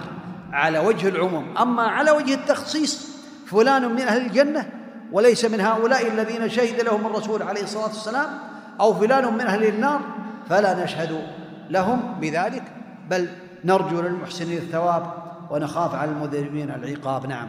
ومن أحسن القول في أصحاب رسول الله صلى الله عليه وسلم وأزواجه الطاهرات من كل دنس وذريا وذرياته المقدسين من كل رجس فقد برئ من النفاق. قد برئ من النفاق. من أحسن القول في أصحاب رسول الله عليه الصلاة والسلام وأزواجه الطاهرات من كل دنس وذرياته المقدسين من كل رجس فقد برئ من النفاق. ولكن بعض الذرية قد يكون على غير الحق فذريته عليه الصلاة والسلام قد يحصل فيهم العصيان في ما بعد. هذا لا يكون مع هؤلاء قد يكون من أهل البيت لكنه يكون عاصيا. أبو جهل هو من اقرباء النبي عليه الصلاة والسلام من أهل البيت لكنه في النار والعياذ بالله. أبو طالب كذلك ولكن المقصود هو المستقيمين على طاعة الله تعالى. نعم. وعلماء السلف من السابقين ومن بعدهم من التابعين أهل الخير والأثر وأهل الفقه والنظر لا يذكرون إلا بالجميل ومن ذكرهم بسوء فهو على غير السبيل. يعني من سب العلماء من تكلم في العلماء سواء كانوا من السابقين أو من التابعين أو من غيرهم إلى يوم القيامة هذا يكون على غير السبيل. ولهذا يذكر عن الأساكر يقول لحوم العلماء مسمومة. وعادة الله في منتقصيهم معلومة. فمن أطلق لسانه في أهل العلم بالثلب ابتلاه الله قبل موته بموت القلب نسأل الله العافية. لا يتكلم في العلماء. إن حصل خطأ يبين لهم أو يسألهم أو غير ذلك أو يكاتبهم إن كان عنده علم. ولا يسب العلماء لأنه بسبه للعلماء يسب الدين وينفر الناس من العلماء ويدعوهم إلى أن يتبعوا الفسقه والجهال. وغير ذلك نعم. ولا نفضل احدا من الأولياء على أحد من الأنبياء عليهم السلام ونقول نبي واحد أفضل من جميع الأولياء. هذا يرد على الصوفية وعلى غيرهم الذين يقولون إن الأولياء يكونون أفضل من الأنبياء والعياذ بالله تعالى. بل نبي واحد أفضل من جميع الأولياء عليهم الصلاة والسلام نعم. ونؤمن بما جاء من كراماتهم وصح عن الثقات من من رواياتهم يعني لا شك أن كرامات الأولياء يعني يعني خوارق. قد تأتي على يد الرجل الصالح. خوارق. لكنها في الصحابة قليل وفي التابعين كثير. ولكن هذه الخوارق ذكر العلماء بأنها على ثلاث ثلاثة أنواع. خارق يقترن بالتحدي. وهذا للأنبياء عليهم الصلاة والسلام. معجزات. وخارق ياتي على يد ولي من الأولياء. فهذا يقال له كرامة كرامات. وخارق يأتي على أيدي الفسقة والمجرمين. فهذا يكون من الشعوذة والسحر. وخارق يأتي على أيدي أناس مجهولين لا يعرفون. فقال الشافعي رحمه الله تعالى لا يصدقون. قال إذا رأيت الرجل يسير على الماء ويطير في الهواء فلا تصدقوه حتى تعرضوا أمره على الكتاب والسنة. فالمجهول الذي يأتي على يدي خوارق ولا نعلم صلاحه من فساده يعرض أمره على الكتاب والسنة. نعم. ونؤمن بأشراط الساعة من خروج الدجال ونزول عيسى بن مريم عليه السلام من السماء ونؤمن بطلوع الشمس من مغربها وخروج دابة الأرض من موضعها ولا نصدق كاهن هذه علامات الساعة اي التي تدل على وقوع الساعة. منها علامات علامات صغرى منها بعثة النبي عليه الصلاة والسلام ومنها أمور قد وقعت كثيرة. أما العلامات الكبرى فلم يأت منها شيء إلى الآن. لكنه إذا خرج علامة كانت الأخرى على إثرها. قد ثبت عن النبي عليه الصلاة والسلام أنه قال إنها لن تقوم الساعة حتى تروا قبلها عشر آيات. فذكر الدخان والدجال والدابة وطلوع الشمس من مغربها ونزول عيسى بن مريم ويأجوج وماجوج وثلاث خسوفات خسف بالمشرق وخسف بالمغرب وخسف بجزيرة العرب وآخر ذلك نار تخرج من اليمن. تطرد الناس إلى محشرهم. هكذا ينبغي الإيمان بهذه العلامات التي بينها النبي عليه الصلاة والسلام. نعم. ولا نصدق كاهنا ولا عرافا. ولا نصدق كاهنا ولا عرافا. من أتى كاهنا أو عرافا فصدقه بما يقول فقد كفر بما أنزل على محمد عليه الصلاة والسلام. أما من يأتيه ويسأله ولا يصدقه فهذا لا تقبل له صلاة أربعين ليلة. أو كما قال النبي عليه الصلاة والسلام من أتى كاهنا فسأله عن شيء لم تقبل له صلاة أربعين ليلة. نسأل الله العافية. وهذا فيه التحذير من السحرة ومن الكهنة ومن العرافين أن يأتي إليهم الإنسان أو يصدقهم. نسأل الله العفو والعافية. نعم. ولا نصدق كاهنا ولا عرافا ولا من يدعي شيئا يخالف الكتاب والسنة وإجماع الأمة. ونرى الجماعة حقا وصوابا. والفرقة زيغا وعذابا ودين الله في الأرض والسماء واحد وهو دين الإسلام. قال الله تعالى إن الدين عند الله الإسلام. دين الإسلام هو الاستسلام لله بالتوحيد والانقياد لله بالطاعة والبراءة من الشرك واهله هذا دين الأنبياء كلهم عليهم الصلاة والسلام. يضاف إلى دين الإسلام الذي أتى به النبي عليه الصلاة والسلام الإيمان بمحمد عليه الصلاة والسلام وأنه خاتم الأنبياء والمرسلين عليه الصلاة والسلام وأنه لا نبي بعده. دين الأنبياء كلهم الإسلام. لكن حينما أتى النبي عليه الصلاة والسلام فهو دينه المهيمن على جميع الأديان عليه الصلاة والسلام ولا يدخل أحد الجنة إلا عن طريقه صلوات الله وسلامه عليه. نعم. وقال تعالى ورضيت لكم الإسلام دينا وهو بين الغلو والتقصير. وبين التشبيه والتعطيل وبين الجبر والقدر وبين الأمن واليأس فهذا ديننا واعتقادنا ظاهرا وباطنا. يعني بين الغلو والتقصير يعني الغلو من يغلو في الدين والتقصير الفساق والمجرمين. بينه الدين الوسط دين المسلمين.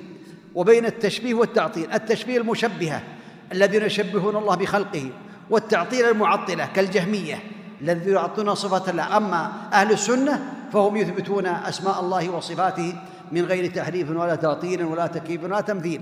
وبين الجبر والقدر. الجبر الجبرية الذين قالوا بأن العباد مجبورون على المعاصي والعياذ بالله. والقدرية الذين قالوا بأن العباد هم الذين خلقوا أفعالهم. أما أهل السنة فيقولون بأن العبد هو الذي يعمل أفعاله تحت مشيئة الله تعالى وبتقدير الله تعالى أعطاه الله قدرة وأعطاه استطاعة وبين له طريق الخير وبين له طريق الشر فمن شاء فعليه أن يستقيم ولمن شاء منكم أن يستقيم وما تشاءون إلا أن يشاء الله رب العالمين. فهو تحت مشيئة الله تعالى لكن الله أعطاه مشيئة. وبين الأمن واليأس الأمن من مكر الله كما أمن المرجئة الذين يقولون بأن الإيمان هو المعرفة. واليأس يعني الخوارج الذين يكفرون بالذنوب. نعم. ونحن براء إلى الله من كل من خالف الذي ذكرناه يقول نحن براء إلى الله من هؤلاء من هؤلاء أصحاب البدع والخرافات. نعم. ونسأل الله تعالى أن يثبتنا على الإيمان ويختم لنا به ويعصمنا من الأهواء المختلفة والآراء المتفرقة والمذاهب الردية مثل المشبهة والمعتزلة والجهمية والجبرية والقدرية وغيرهم. هذه فرق فرق ضالة. المشبهه تقدم والمعتزلة الذين يقولون من فعل كبيرة فإنه يخرج من الإسلام ولا يدخل في الكفر. فهو في منزلة بين المنزلتين. هذا تناقض في منزلة يعني بين الكفر وبين الإسلام. نسأل الله العافية. أما الخوارج قالوا يخرج من دين الإسلام ويدخل في الكفر. والجهمية كما تقدم ينكرون الأسماء والصفات. والجبرية تقدم وأنهم يقولون الإنسان مجبور على أعماله.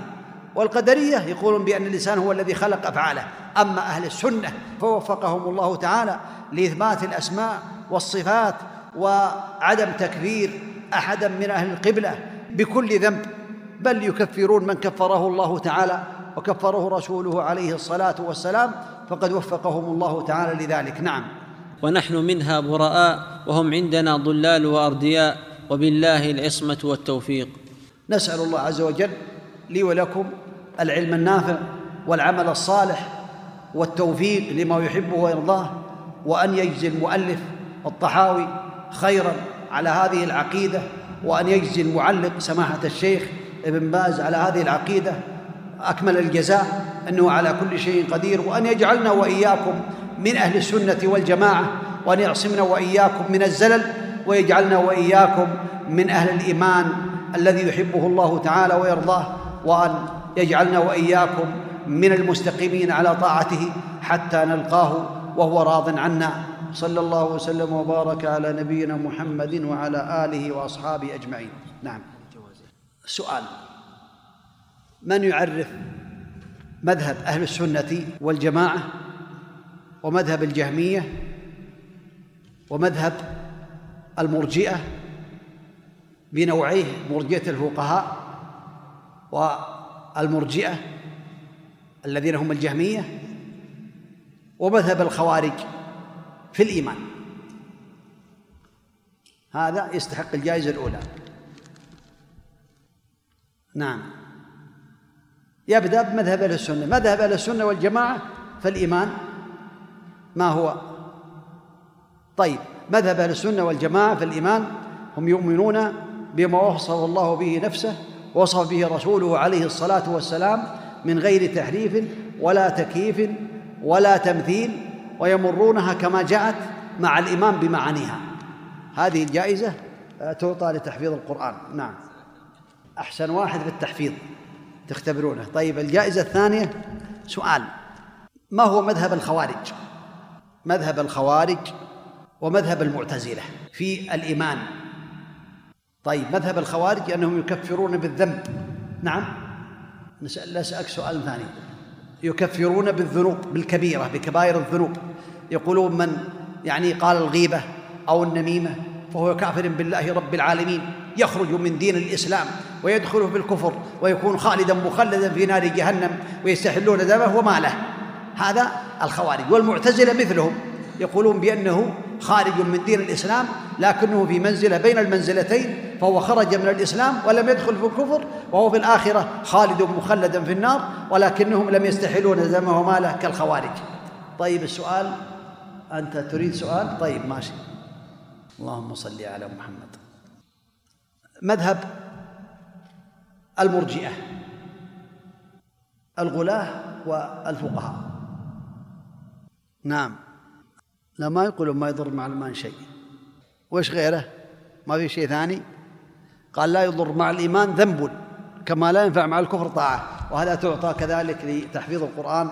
وبالله التوفيق وصلى الله وسلم وبارك على نبينا محمد. نسأل الله لنا ولكم العلم النافع والعمل الصالح. وجزاكم الله خيرا.